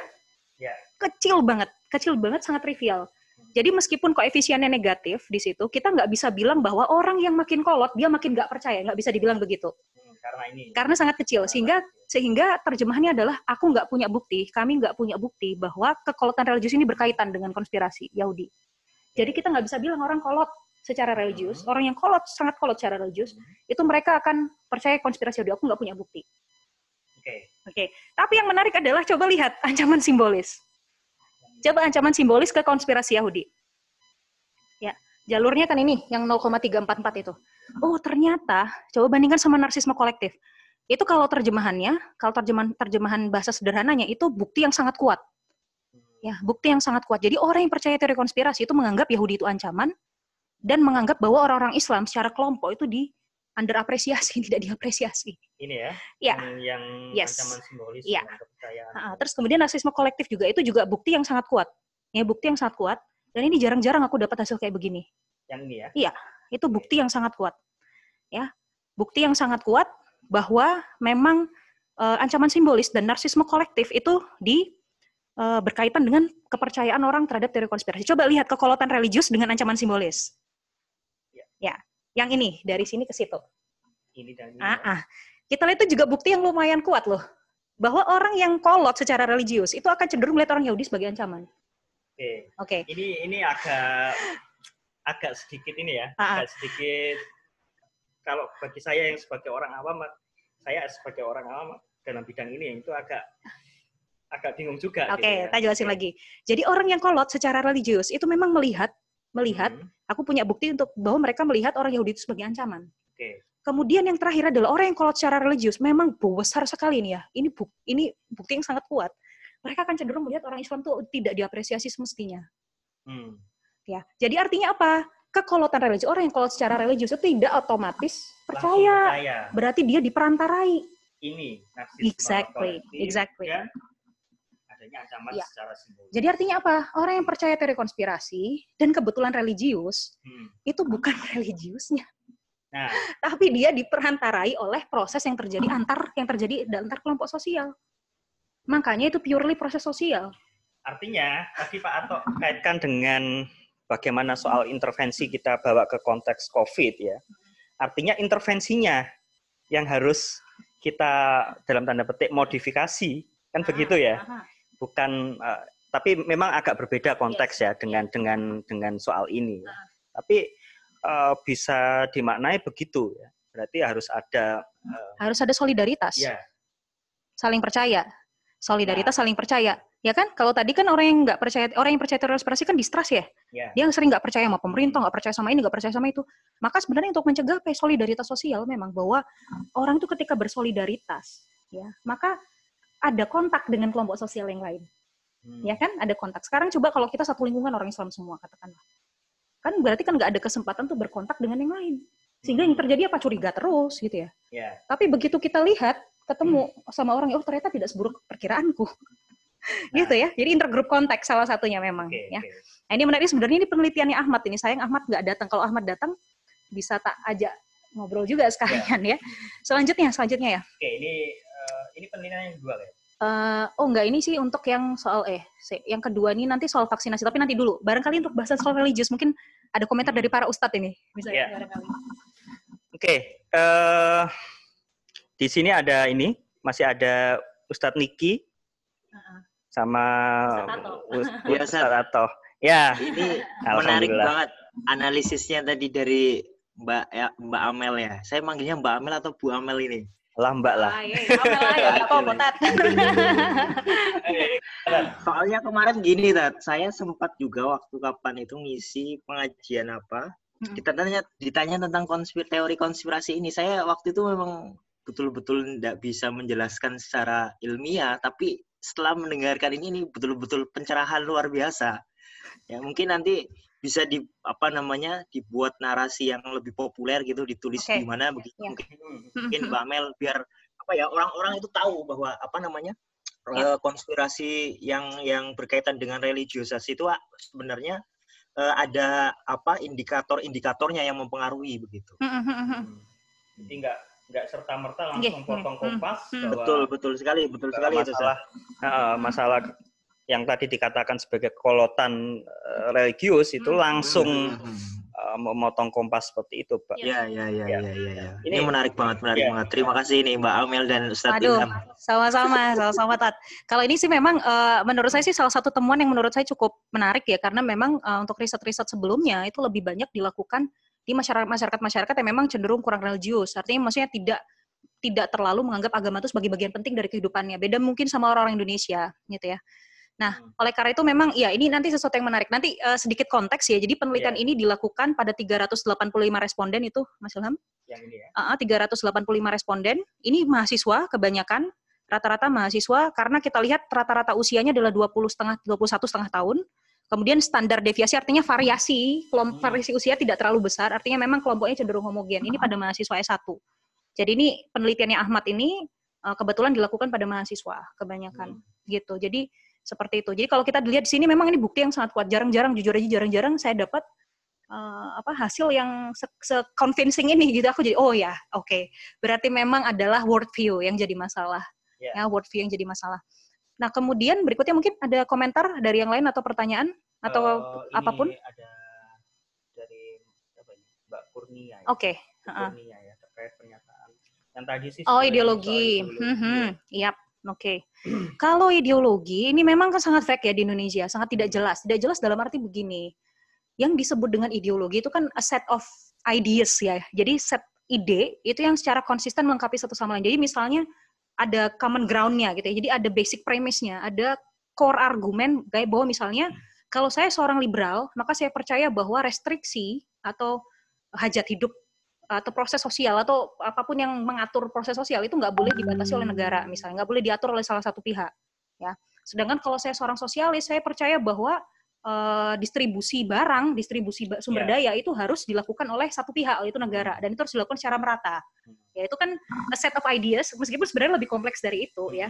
Tapi common groundnya itu jelas. Tapi kalau di Indonesia nggak bisa dilihat itu polanya. Tapi tapi ya sejak 2014 2014 itu ditemukan memang ada polarisasi. Nanti saya bisa tunjukkan beberapa tulisannya Indo- Indonesianis ya, jadi orang-orang yang para pengamat politik itu menunjukkan memang ada tegangan antara kaum Islamis Iya. ya. Orang-orang Islamis ini memang punya aspirasi agar nilai-nilai keislaman itu diakomodasi dalam kehidupan bernegara. Yang satunya adalah orang nasionalis. Iya. Nah, orang-orang nasionalis ini percaya bahwa agama itu nggak boleh ikut-ikut di ruang publik. Memang ada tendensi begitu, tapi sekali lagi ini datanya belum adekuat. Tapi aku punya datanya sih, ini sedang kutulis sebentar lagi. Ya. Nah, termasuk yang ini soal apa? Ancaman simbolis ini. Ya. Apa soal apa soal studi ini? Studi ini nanti akan diterbitkan sekarang lagi proses nulis. Karena kalau di psikologi itu adatnya satu paper nggak boleh cuma satu satu studi aja, sehingga aku harus melakukan satu studi lagi yang eksperimental sehingga nanti baru bisa ditulis menjadi manuskrip. Tapi tapi sedang diusahakan ya, sedang diusahakan. kita inilah. Kita akan tulis, uh, share dulu di tentu. preprint ya. Ya kita tentu akan bikin versi populernya ya. Preprint Oh, tadi kita berkomitmen untuk itu. Tadi kita tadi juga Ya, Pesanan itu, iya ya. pesan pesannya Ustadz Ya, Iki begitu. Penting, penting. Hmm. Terus selanjutnya Eh, ini Pak Atok ya. Ini agak berat juga ini pertanyaannya ya. Oh ini mungkin pertanyaan yang lebih mudah, pertanyaan Mas Anies lebih Ya. gampang. Oke, nanti Pak. Atok nanti setelah Oke. ini ya, setelah penjelasan eh, yang yang slide selanjutnya Iya. ya. Saya- Jadi memang respondennya itu dibatasi oleh eh, dire- dibatasi eh, Islam ya Muslim. Jadi 385 orang semuanya beragama Islam. Kenapa begitu? Karena asumsi kita orang yang percaya teori konspirasi Yahudi memang kebanyakan orang Islam. Ya, jadi yang menganggap bahwa orang Yahudi itu mengancam itu kebanyakan orang-orang Islam. Hmm. Seperti itu. Jadi kolot itu kalau dari konsep konstruknya, konsep soal kekolotan religius itu kan agama apa aja bisa masuk. Betul. Yang Kristen Tidak- juga ada tidak- yang kolot. Tidak hanya tidak hanya Islam ya. gitu ya semua agama tuh saya kira mesti ada satu kaum itu satu apa satu kelompok itu yang memang sangat kolot kalau di Yahudi misalnya orang Haredi misalnya ya jadi ini eh, kalau di sini konteks penelitian ini itu adalah Muslim memang Ya. terus kemudian soal literasi ya Pak atau nanti ini sebentar lagi kita akan bahas soal literasi ya. Ya. Jadi ada yang shocking soal tingkat pendidikan ya. Ya, nanti tingkat pendidikan. Oke. Nanti nanti setelah ini mungkin Hmm, nanti. hmm. Oke. Kemudian selanjutnya menjadi pembenaran mengapa pemuka agama pun juga nggak bisa mengalih ya karena mungkin masalahnya Ya. bukan ajaran agama. bukan Nggak ada agama itu ya. Secara tekstual Nggak, itu. nggak. Nggak, bukan ajaran Tapi agama. ada kaitan Nggak. dengan itu tadi ancaman simbolis. Ini ini apa tadi? Lumpuh Ya. ya. Ada kelumpuhan. Lumpuhan epistemologis ya. Terus kemudian berikutnya hasil penelitian tersebut memang sesuai cerita tetangga sehingga awal Covid sempat gesekan dengan tetangga terkait pelaksanaan sholat berjamaah. Oh iya. Ya. Beliau anti vaksin dan juga penganut Oh iya betul, betul. Ya ini memang lazim sekali. Ya. Iya, ini ya, ini- jadi ini- ini jadi masalah ya ini jadi masalah, masalah kita semua, masalah kita semua ya. Masalah otoritas Ya. eh, keagamaan. Ya, masalah Oke, bikin pusing banyak orang. kita lanjutkan dulu ya. Kita lanjutkan soal vaksin. Nah, Kita ini masuk ke soal vaksin. masuk ke konteks vaksin ya karena kebetulan juga kita kita ini apa penelitiannya juga mengarah ke situ sebetulnya ya dalam konteks vaksin. Ini mungkin buat Vira siap-siap ya Vir ya. Habis ini tak tanyain Vir. Kira ada ya? Kira ada kayaknya tadi Mak Vira. Oke, ah, oke, itu ada Vira. Mak Vira. Nanti Siap-siap. Jadi Mak Vira ini mahasiswa saya. Ini Mak Vira sama Ahmad ini ter- kebetulan memang anaknya rajin-rajin dan pintar-pintar. Ya, Masya Allah kebetulan apa eh oh, udah ngantuk kasih Sini. situ situ sini sama Bibu nggak apa-apa jadi emang kebetulan dua mahasiswa ini ketika saya apa ketika datang pertama kali ke saya itu juga kok ya kebetulan mereka punya ketertarikan yang sama gitu ya. Alhamdulillah apa namanya eh, ketika di apa kita berdiskusi akhirnya ketemu eh, konsep-konsep ini gitu ya. Jadi penelitian Vira ini sangat menarik. Jadi pada prinsipnya Vira itu kepingin tahu eh, apakah teori konspirasi Yahudi ya kepercayaan terhadap teori konspirasi Yahudi itu bakal berpengaruh pada apakah orang itu akan menunda atau ragu sama vaksin. Ini isu yang sangat penting ya. Isu Ya. yang sangat penting ya. Jadi kita lihat di media massa itu salah satu yang membuat apa namanya yang membuat program vaksinasi itu tidak jalan itu adalah apa namanya teori konspirasi bahwa Hmm. orang Yahudi itu sengaja men- apa, meracuni meracuni ini uh, dengan sampai ya, sampai lepas gitulah ya. menanam chip ya, Oh. kemarin itu ya. ya semacam-macam ya.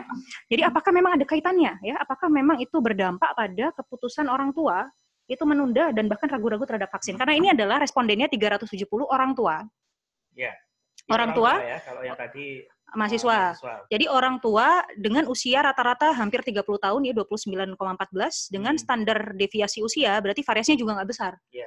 Itu sekitar 4,66 tahun. Jadi ini karakteristiknya adalah orang tua yang punya anak di bawah lima tahun.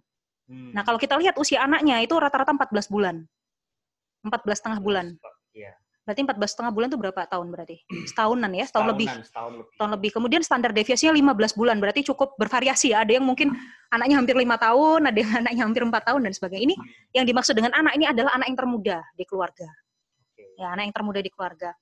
Nah, kemudian yang menarik adalah kita coba lihat sama, eh, di situ ada bintang-bintang, itu ada ceritanya. Oke. Yang bintang-bintang. Kita coba lihat orang yang percaya sama teori konspirasi Yahudi itu akan cenderung percaya sama teori konspirasi tentang vaksinasi. Oke. Ya, oke? Ya. Sampai sini jelas ya? Oke. Jelas. Jelas. Jadi di situ kelihatan bahwa orang yang percaya sama teori konspirasi Yahudi akan cenderung percaya teori konspirasi soal vaksin. Ya, meskipun dua hal ini tidak terlalu berkaitan. Hmm. Tidak terlalu berkaitan sebenarnya Tidak terlalu berkaitan ya. secara langsung. Oke, ya. Meskipun ya salah satu keterkaitannya adalah eh, orang yang percaya teori konspirasi vaksin, Hmm. itu mereka akan bilang bahwa Ini vaksinasi itu adalah bikinan buatan. Yahudi, Ya, ya, buatan. bikinan Yahudi untuk segala macam itu. Terus coba kita lihat antara konspirasi vaksin dengan menunda ragu-ragu vaksinasi. Oke. Ya, di situ ada bukti, tapi buktinya nggak terlalu besar. Ya, moderate lah. Kalau aku bilang ini moderate buktinya. Ya, iya.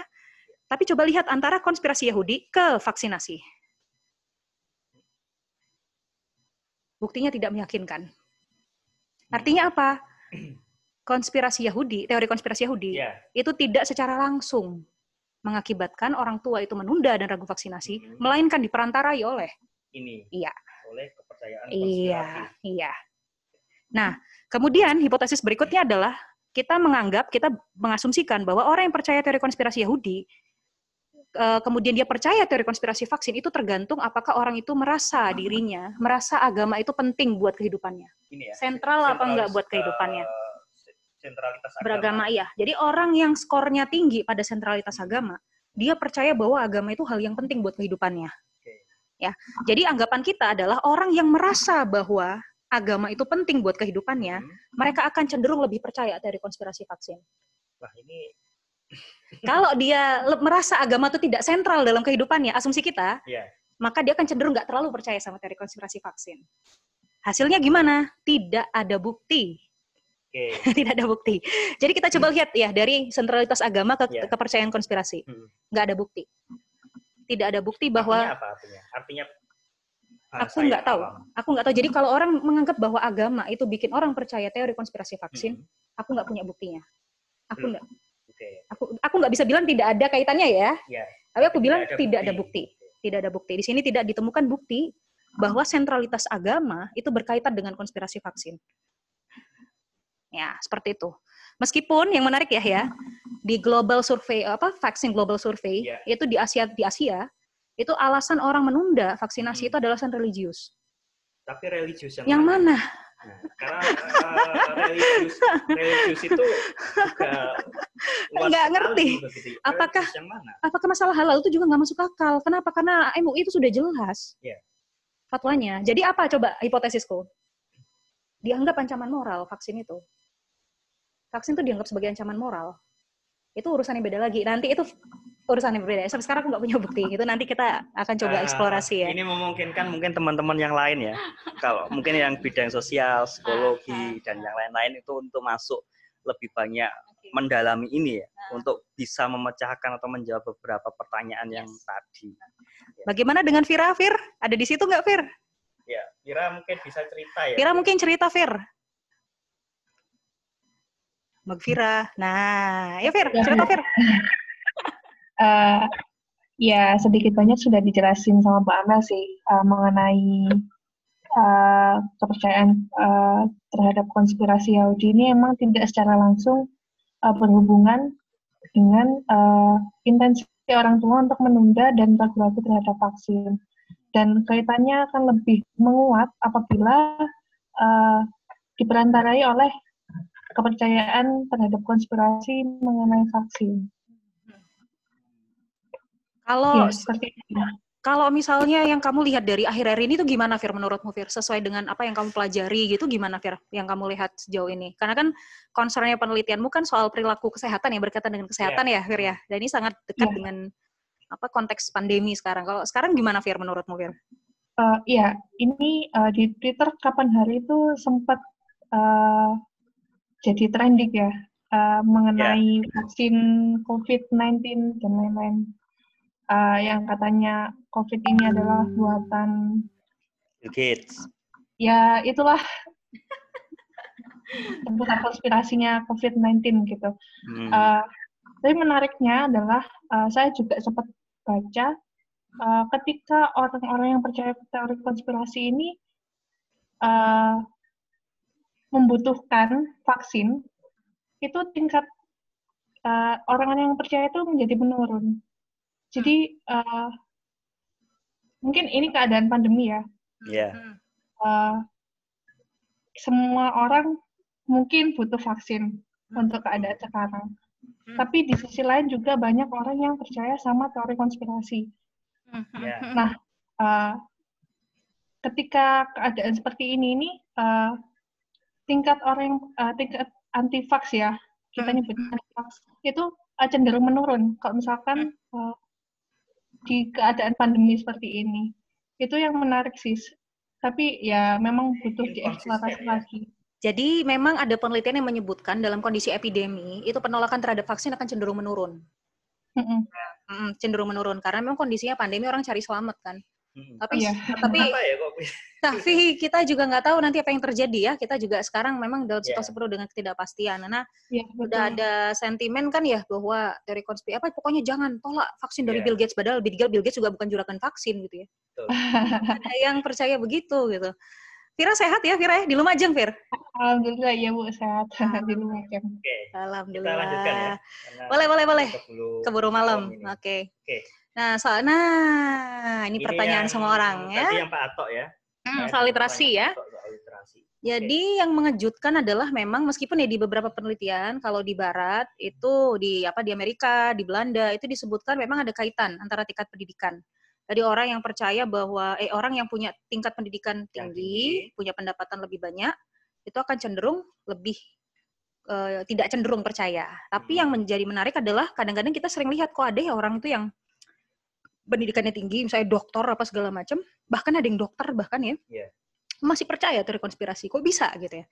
Makanya karena memang keper, karena teori konspirasinya tidak eh, di eh, apa ad- sebenarnya tidak berkaitan dengan intelijensi, meskipun berkaitan dengan analytical thinking ya. Jadi Iya. orang yang punya ke- tidak punya kemampuan untuk melakukan per- apa berpikir analitis itu memang Hmm. cenderung lebih rentan. Tetapi memang orang itu bisa sangat rasional dalam satu hal. Ketika dia jadi dokter atau jadi Iya. ilmuwan dia sangat rasional. Hmm. Tapi nanti kalau dia ngomongin teori konspirasi dia jadi hilang rasionalitasnya. Nah, ini Itu disebut dengan penalaran termotivasi atau motivated reasoning. Kenapa dia termotivasi? Kan dia punya motivasi untuk melindungi beliefnya, melindungi eksistensinya, eksistensi, melindungi nilai. citra positif kelompok Betul. sosialnya. Nah, jadi penalaran termotivasi. Kemudian juga soal tidak pada intelijensi, tapi pada kepercayaan keper- kepercayaan epistemik. Jadi kepercayaan soal bagaimana pengetahuan itu harusnya didapatkan. Ya, coba ini lihat apa box plotnya sangat Oke, menarik. eh, langsung aja ya. Ya, langsung aja box plotnya.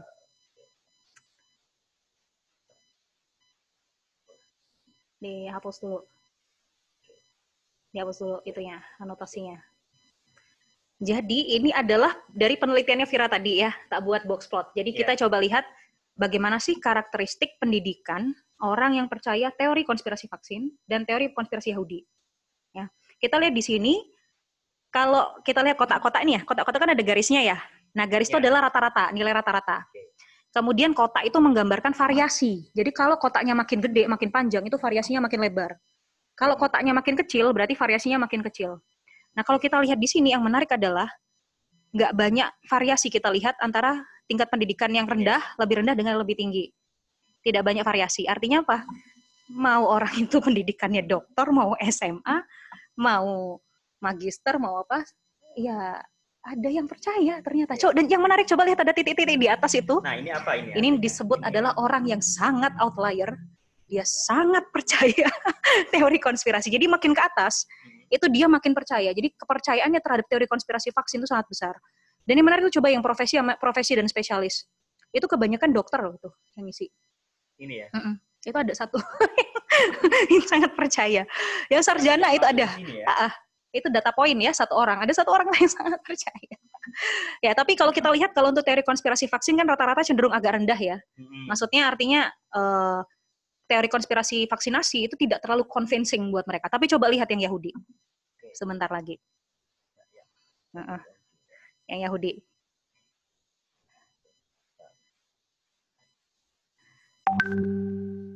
Coba lihat yang Yahudi. Selanjutnya.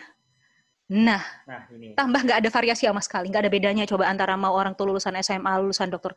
Dan yang menarik kita coba lihat yang tadi kalau gambar yang sebelumnya itu kan cenderung di bawah. Mm-mm. Kalau ini kan agak ke tengah, ya, ke tengah, agak cenderung di tengah kan, di tengah-tengah. Iya. Nah, Ini menunjukkan apa?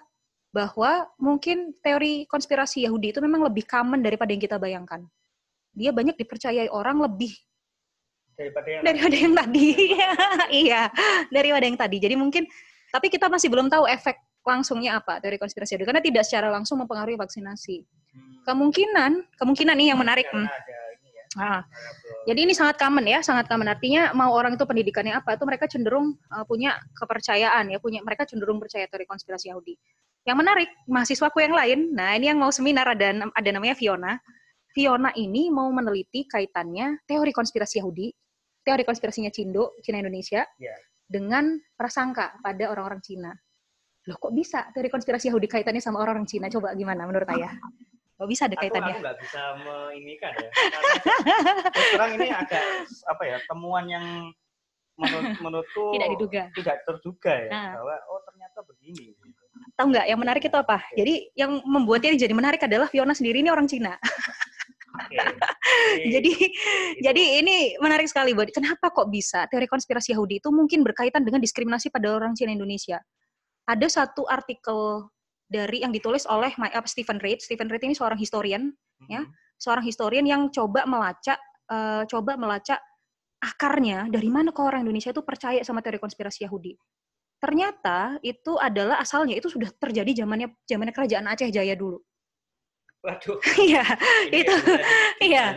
lebih dalam Iya, ya. jadi kenapa? Jadi sebenarnya yang dilakukan oleh orang-orang Islam di Indonesia dan di Malaysia itu adalah melakukan paralelisasi karakteristik orang-orang Yahudi dengan orang Cina karena dianggap punya kesamaan menguasai ekonomi, dianggap mengancam secara ekonomi dan sebagainya.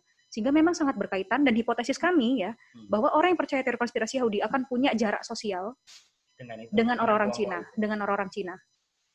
Gitu. Nah, ini yang nanti sangat menarik. Jadi teori konspirasi Yahudi itu bisa populer bukan karena orang Indonesia atau orang Malaysia itu pernah ketemu sama orang Yahudi enggak, Hmm. tapi karena mereka memparalelisasi sifat-sifat Yahudi sifat Yahudi yang mereka yakini. yakini dengan Ya, dengan kesamaan orang-orang Cina Indonesia yang ada di sini. yang juga mereka yakini. Yang juga diyakini, iya. Kalau ada yang tertarik sama artikelnya Stephen apa Stephen nanti bisa saya bisa saya Oke, kirimin sih ya. ada juga. Kita ini aja. Nah, ini eh, Ini- Ini jadi pelajaran juga buat tenaga kesehatan gimana caranya bikin campaign ya. Kenapa kok mereka bisa sukses sedangkan opini yang lebih rasional tuh lebih nggak sukses. Oke, Oke, baiklah. kita selesaikan. Jadi sini sini. Jadi pertama apa? Kenapa kok bisa sukses? Jadi kalau kita baca eh, apa orang-orang apa teori-teori konspirasi itu mereka selalu mulai dari argumen yang official dulu, argumen yang official dulu, Hmm. terus mereka menyediakan bantahan ya.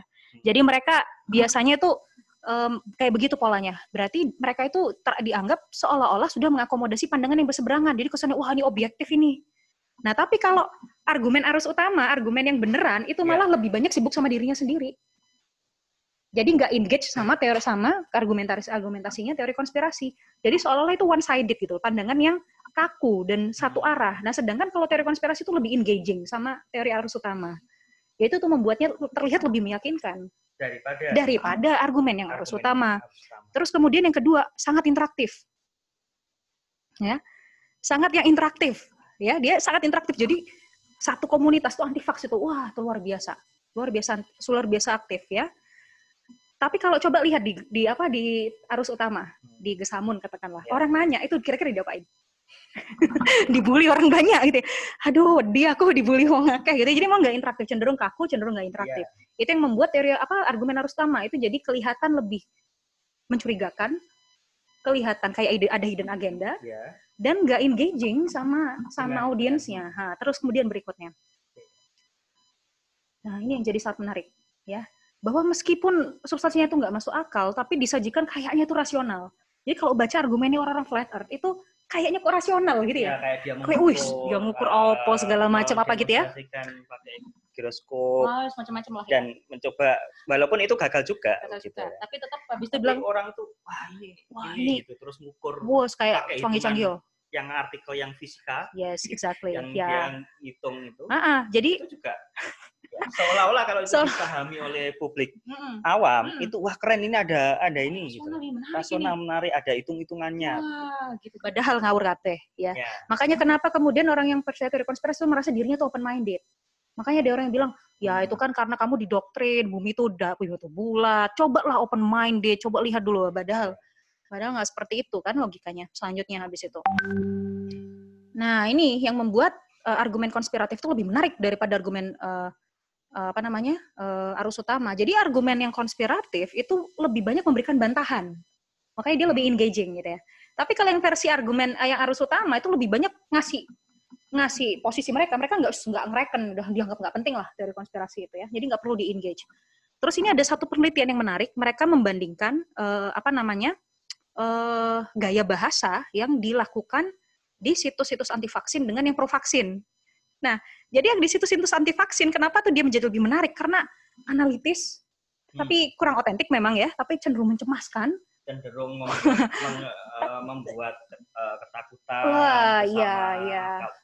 biasanya cenderung bombastis Panik lah, iya. ya, Pak. panik, bikin panik dan sebagainya, dan menawarkan kepastian. Wah, kamu kalau vaksin Iya. MMR pasti autis anakmu. ada penegasan Iya. Jadi ada kepastian. Tapi kalau yang pro vaksin berbeda. Dia cenderung otoritatif ya, bos pokoknya kan percaya, ay, aku keliru. Tapi tapi nggak nggak maksudnya, tapi itu cenderung manipulatif ya. Akhirnya seolah orang jadi curiga gimana sih ini? Kenapa? Ken- Apa penjelasannya? Apa penjelasan? Masih oke penjelasan, tapi kok kesannya kok kok apa ya? Kok otoritatif gitu ya? Maksudnya Ada kesannya ada yang disembunyikan, kesannya. ah, memberikan kesan ada yang disembunyikan. Nah, itu selanjutnya terus. Ini yang terakhir. Ini yang tadi juga Pak Atok juga sampaikan. Mungkin yang kita semua nanti inilah harus berpikir yang lebih strategik juga ya, terutama eh, beberapa otoritas yang berkaitan dengan ini ya, karena ya kenyataannya yang bisa ditawarkan adalah inokulasi ya. Hmm, hmm, hmm. Ya kalau yang sudah terpapar, Jadi kalau inokula- inokulasi ini sama seperti vaksin ya, vaksin ya. hmm, Vaksin itu kan dia mencegah prinsipnya ya, lebih- lebih prevensi gitu ya, prevensi, preventif.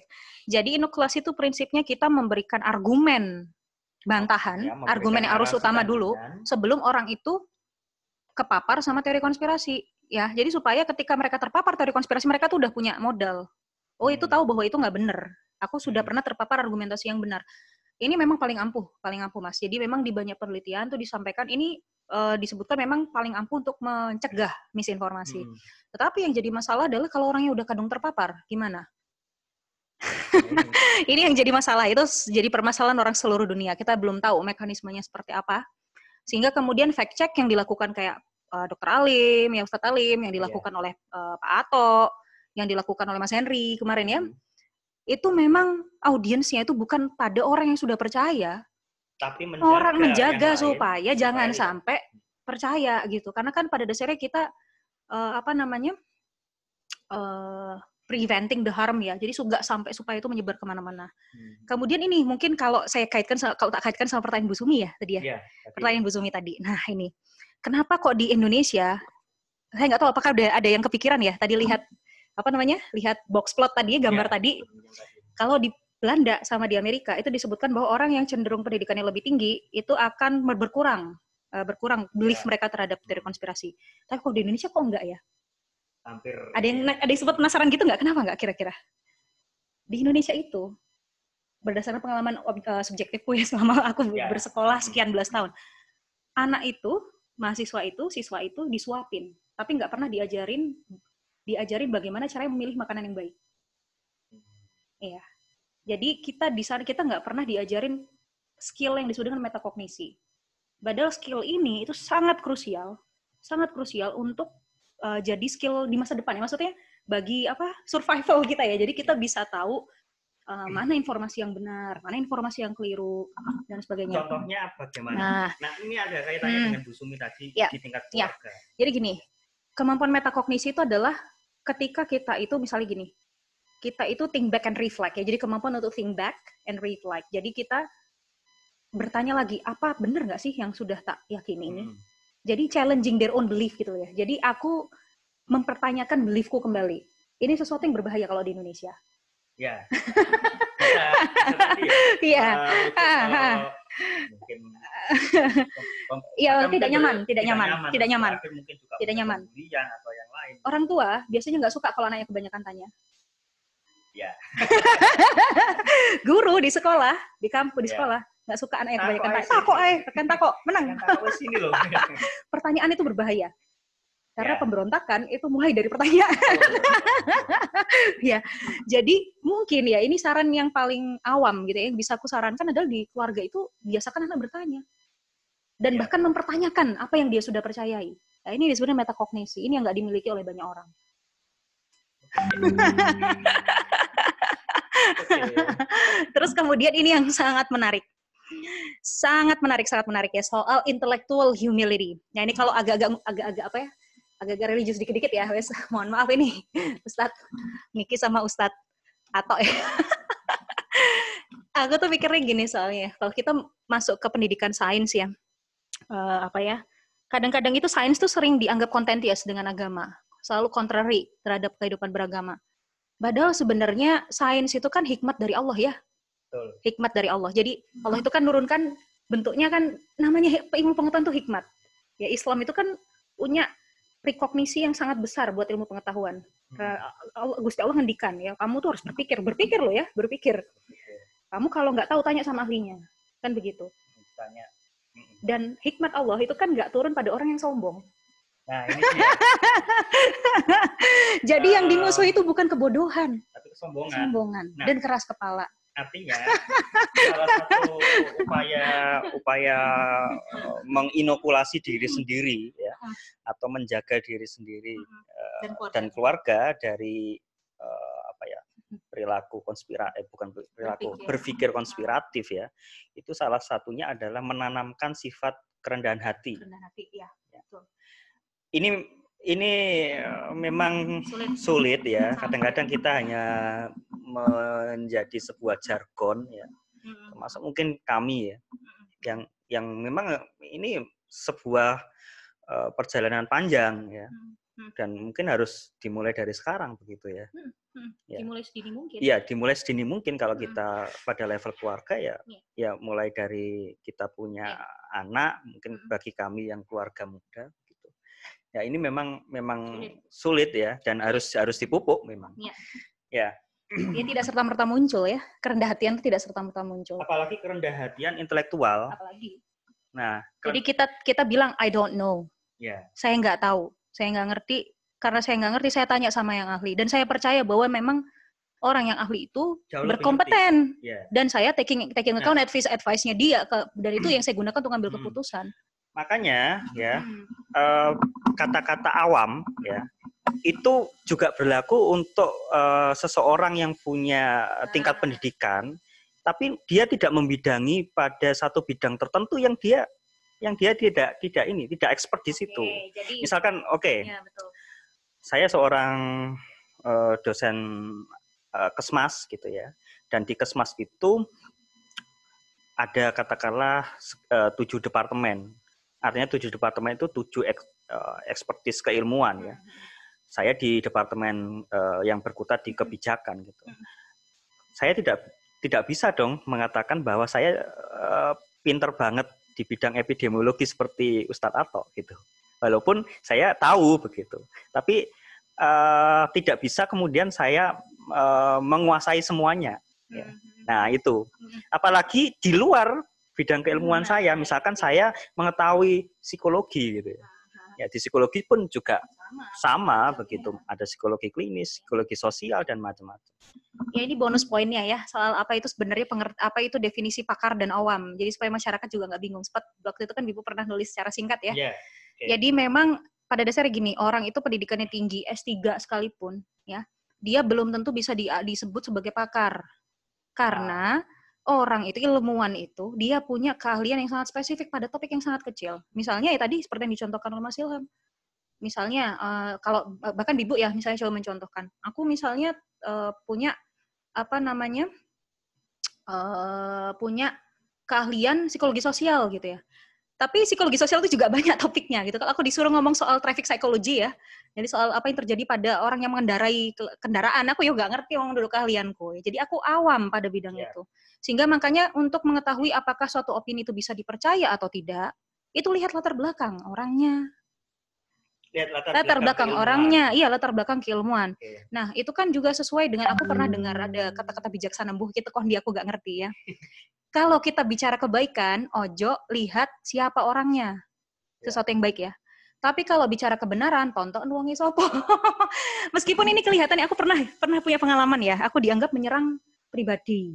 Padahal Ya. sebenarnya yang tak lakukan adalah memastikan bahwa latar belakang keilmuan itu cocok dengan opininya. Betul. Padahal nggak ada maksud untuk menyerang pribadi. Iya. Tapi itu biasa kita lakukan untuk melihat apakah opini ini opini pakar atau opini awam. Jadi meskipun orangnya S3, katakanlah S3 psikologi, kalau suruh komentar epidemiologi kan ya nggak cocok.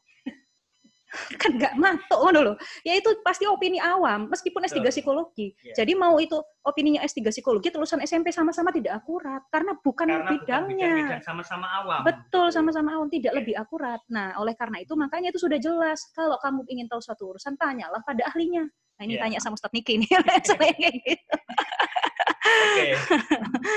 Oke. Em, ya, Oh, ini menarik nih. Pertanyaan Mas Anis. Nah, kalau gitu komunikasi Kita sains. ya.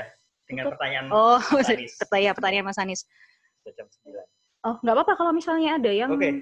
apa mau yang tanya di Facebook ya. Ini kan kita, Kita lihat yang di Ya. Hmm. kita kan lihatnya banyak di Iya. Zoom ya, yang di Iya. Facebook mungkin belum Oke, iya. keakomodasi. Nah, ini Mas Anies ini menarik nih. Ah, kalau gitu komunikasi sains pakai ikutan stylenya konspirasi gimana? Atau ada juga ide gini, aku pernah punya ide gila ya. Gimana kalau kita bikin konspirasi baru? Dari konspirasi yang baru. Yang kayak kayak konspirasi padahal itu sebenarnya ar- opini arus utama. Itu eksperimental. Iya, tapi masalahnya kan bukan substansinya, tapi gaya berpikirnya. Ya, Oke, gaya berpikir. Jadi kalau kita menggunakan style yang sama seperti teori konspirasi, itu justru akan berisiko, akan berbahaya. Karena dia akan cenderung percaya teori konspirasi yang lain. Betul. Nah, oleh karena itu memang ahli komunikasi sains ini sedang nyari formula di seluruh dunia ini.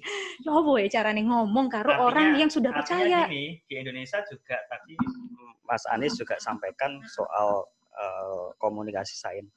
Mungkin teman-teman eh, di bidang komunikasi ya, Hmm. teman-teman yang bergelut di ilmu komunikasi mungkin juga eh, lebih memberikan porsi yang juga tidak sedikit ya Hmm. untuk untuk ini untuk ngomong soal komunikasi sains karena ya ini pijakan yang penting ya Ya, bagi banyak masalah banyak hal ya dan komunikator sains ini sepertinya di Indonesia belum banyak Belum banyak. gitu Bahkan jurnalis sains juga nggak ya banyak. jurnalis sains juga s- nggak nggak banyak Banyak, gitu banyak. Eh, mungkin Mbak Dina sayangnya Mbak Dina Nggak hanya di berhalangan. nggak berhalangan hadir ya jadi di Indonesia ada SISJ gitu ya jadi kumpulan teman-teman Hmm. jurnalis sains ya. itu juga ternyata isunya juga hampir sama ya soal tidak banyak wartawan sains dan yang lain-lain yang benar-benar purely bisa menjadi eh, komunikator-komunikator eh, di bidang sains ya yang membantu para para para peneliti dan akademisi untuk menerjemahkan beberapa hal.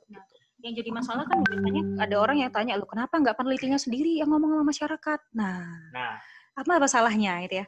Masalahnya adalah peneliti itu nggak bisa memang ngomong sama masyarakat gitu ya. Ada dan harus ada po- ada porsinya Ada ada, porsi, porsinya. ya. jadi gini yang jadi dilema dari peneliti adalah kita itu harus nge-trade off ya nge-trade off artinya kita harus menukar antara presisi ketepatan dengan kesederhanaan bahasa kadang-kadang being simple kita bilang kalau ngomong sama orang awam dengan bahasa yang sederhana kita itu nggak mau kehilangan kepresisian gitu ya Nah, sehingga kemudian agak sulit bagaimana menyeimbangkan antara presisi ya, Hmm. presisi dari suatu penjelasan, ketepatan dari suatu penjelasan itu dengan kesederhanaan penyampaiannya. Nah, ini yang seharusnya itu diisi oleh teman-teman yang bergerak sebagai komunikator sains, yang Hmm. sebagai jurnalis sains. Jadi supaya bisa membantu untuk menerjemahkan konsep yang kompleks dan dengan eh, kepada masyarakat awam. Dan memang menurutku sih sebenarnya gini, memang persoalannya memang di masa di pendidikan ya. Nah, memang ya apa ya? Karena kondisinya kita di sekolah itu kayak gitu. Ya, persoalan Iya, itu persoalan persoalan dasar. sistemik ya, persoalan Ini struktural juga. Oke. Mbak Dina. Waduh, oke. Nah, tadi barusan disinggung aja Mbak Dina Iya. mengikuti di Facebook ya. Iya. Jadi Mbak Dina ini salah satu jurnalis sains yang sering menulis untuk Nature dan Science ya. Eh, Mbak Dina ini bertanya, eh, Mbak Dina tertarik dengan temuan bahwa ajaran agama dengan religiusitas tidak berhubungan langsung dengan pikiran konspiratif. Berarti ada segregasi dalam kaum beragama. Apakah yang sebenarnya menjadi pemisah ya exposure to different culture atau early childhood education dan sebagainya? Oke, jadi ini menurutku menarik karena aku juga nggak tahu jawabannya. Nggak tahu jawabannya karena gini, mana ya? Eh, karena pada dasarnya memang bukan ini bukan masalah yang secara eksklusif melekat pada orang-orang beragama ya, pada kelompok agama. Karena kalau kita lihat di Amerika Serikat katakanlah, orang-orang yang percaya teori konspirasi itu tidak semuanya religius loh, bahkan mereka religius loh. Jadi dia tidak secara eksklusif eh, melekat pada ke orang-orang yang religius. Jadi mungkin masalahnya tidak hanya plaguing orang-orang kelompok yang ada di kelompok agama, tapi ini ada satu hal proses pemerolehan pengetahuan itu yang cacat, yang lumpuh yang dimiliki polanya hampir sama bahkan dan memang biasanya lebih banyak ditemui pada orang-orang yang ekstrim sistem value-nya itu tadi. Nah, sedangkan ya, sedangkan kalau kita lihat misalnya ya beberapa agamawan, kalau kita lihat intelektual-intelektual, ilmuwan dan sebagainya, karakteristiknya apa sama? Sam- biasanya juga sama, karakteristik ilmuwan dan juga tokoh agama, Ustadz kayak Ustadz Niki gini ya, Ustadz Niki, Ustadz Ato sama. Apa apa kesamaannya? Ilmuwan maupun eh, ulama itu kan pada dasarnya dia basisnya adalah apa? Adalah bukti. Adalah bukti Evident. evidence ya. Evidence pun kalau kita bicara evidence di sains sangat berbeda dengan evidence di agama itu Betul. dua hal berbeda. Tapi basisnya adalah Basisnya adalah bukti. Kalau di agama dalil kan gitu. Ya kan, kalau itu urusannya Ustaz Niki nanti yang jelasin ya. Tapi sama, pola berpikirnya sama bahwa ketika dalil itu lebih kuat bilang A, maka saya akan merubah pendapat saya. Kalau dalil itu bilang itu lemah, maka akan saya tinggalkan kan gitu kan logika sederhana itu Ya, sebenarnya. artinya uh, base evidence-nya jelas lah ya. Jelas, ah. Jelas. Tingkatan evidence uh, kalau di kapan hari saya lihat uh, Pak uh, Ustadz Alim ya, Hmm. Dr. Alim juga jelaskan soal itu dan mungkin banyak juga yang sudah dijelaskan teman-teman soal tingkatan evidence di uh, ilmu pengetahuan ya. Mas Anies juga sering itu ngomong soal itu gitu. Ya dan oke. Kalau kita teruskan ya. eh ini sudah jam 9 jadi mungkin bisa sampai malam gitu. Tapi eh, artinya gini. Ada banyak pertanyaan yang saya yakin setelah kita ngobrol itu berkembang ya, berkembang baik baik dari kita, kita berdua atau mungkin teman-teman semua itu berkembang eh, kemudian bertanya sesuatu. Nah, eh tentu saja apa yang kita obrolkan pada malam ini tidak berhenti eh, pada titik setelah acara ini selesai begitu. Tapi nanti kita bisa nimbrung eh, di mungkin di Facebook ya, karena ini kebanyakan eh, kita kan eh, teman-teman Facebook ya, ar- eh, menggunakan Facebook. Kalau di Twitter mungkin eh, nggak semua. begitu. Jadi mungkin kita bi- bisa berdiskusi di Facebook atau mungkin nanti di beberapa eh, kanal yang lain begitu. Ya. Jadi eh, itu dan eh, terus terang dari beberapa pertanyaan eh, dan masukan dari teman-teman baik di eh, live Facebook ya ya terus kemudian yang kemudian bergabung di Zoom itu membantu kami untuk eh, nanti membuat beberapa pertanyaan penelitian ya ya untuk ya tentu saja nanti untuk untuk kami dan juga kita eh, jadikan bahasan ke depan. Mungkin itu dari kami berdua Sekali ya. lagi, wallahu Ya. alam bisawab ya. ya.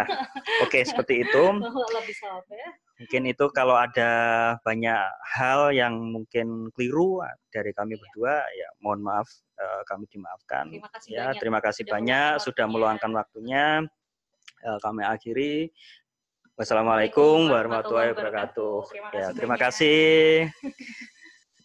Waalaikumsalam. Oke. Selamat Mas Ilham, Mbak Amel hebat. Canggih tenan nih. Walah. Lu canggih tenan nih hebat. Top top top. Wes, engko ini Mas, iki Apa? dapat dapat PR untuk nulis iki. Tadi Mas Niki, Ustadz Niki ini Hmm. apa namanya Oh iya itu, ayo. ada ada ini. Bagaimana Islam memandang Terus untuk monggo Bapak Ibu barangkali eh, kalau mau meninggalkan eh, Zoom saya persilahkan kalau mau ngobrol sebentar nggih monggo gitu. Ya, sudah sudah live-nya juga sudah saya ini sudah saya eh, stop gitu. Ya Mas, gimana Mas? Apanya? Sing Eh, komentar-komentar apa-apa, sing Mas. kemarin Mas. Sing Lagi kemarin banget iki. Wah, ini cara Mbak Amel menyajikan sesuatu yang bulat nih dadi anu. Nah, ngajak konspirasi ya. ya Mas Fauzan, Mas Mas Fauzan ya. Ada Mas Fauzan. teori konspirasi katanya. Nggih, Matur nuwun, Wes, Mas. nanti kita itu Siap. lagi ya di itu. Matur nuwun Hmm. waktunya. Sami-sami. Eh, Selamat istirahat. Ye. Pamit-pamit. Nun. eh, udah Mas Fauzan, Mas Mas Alam.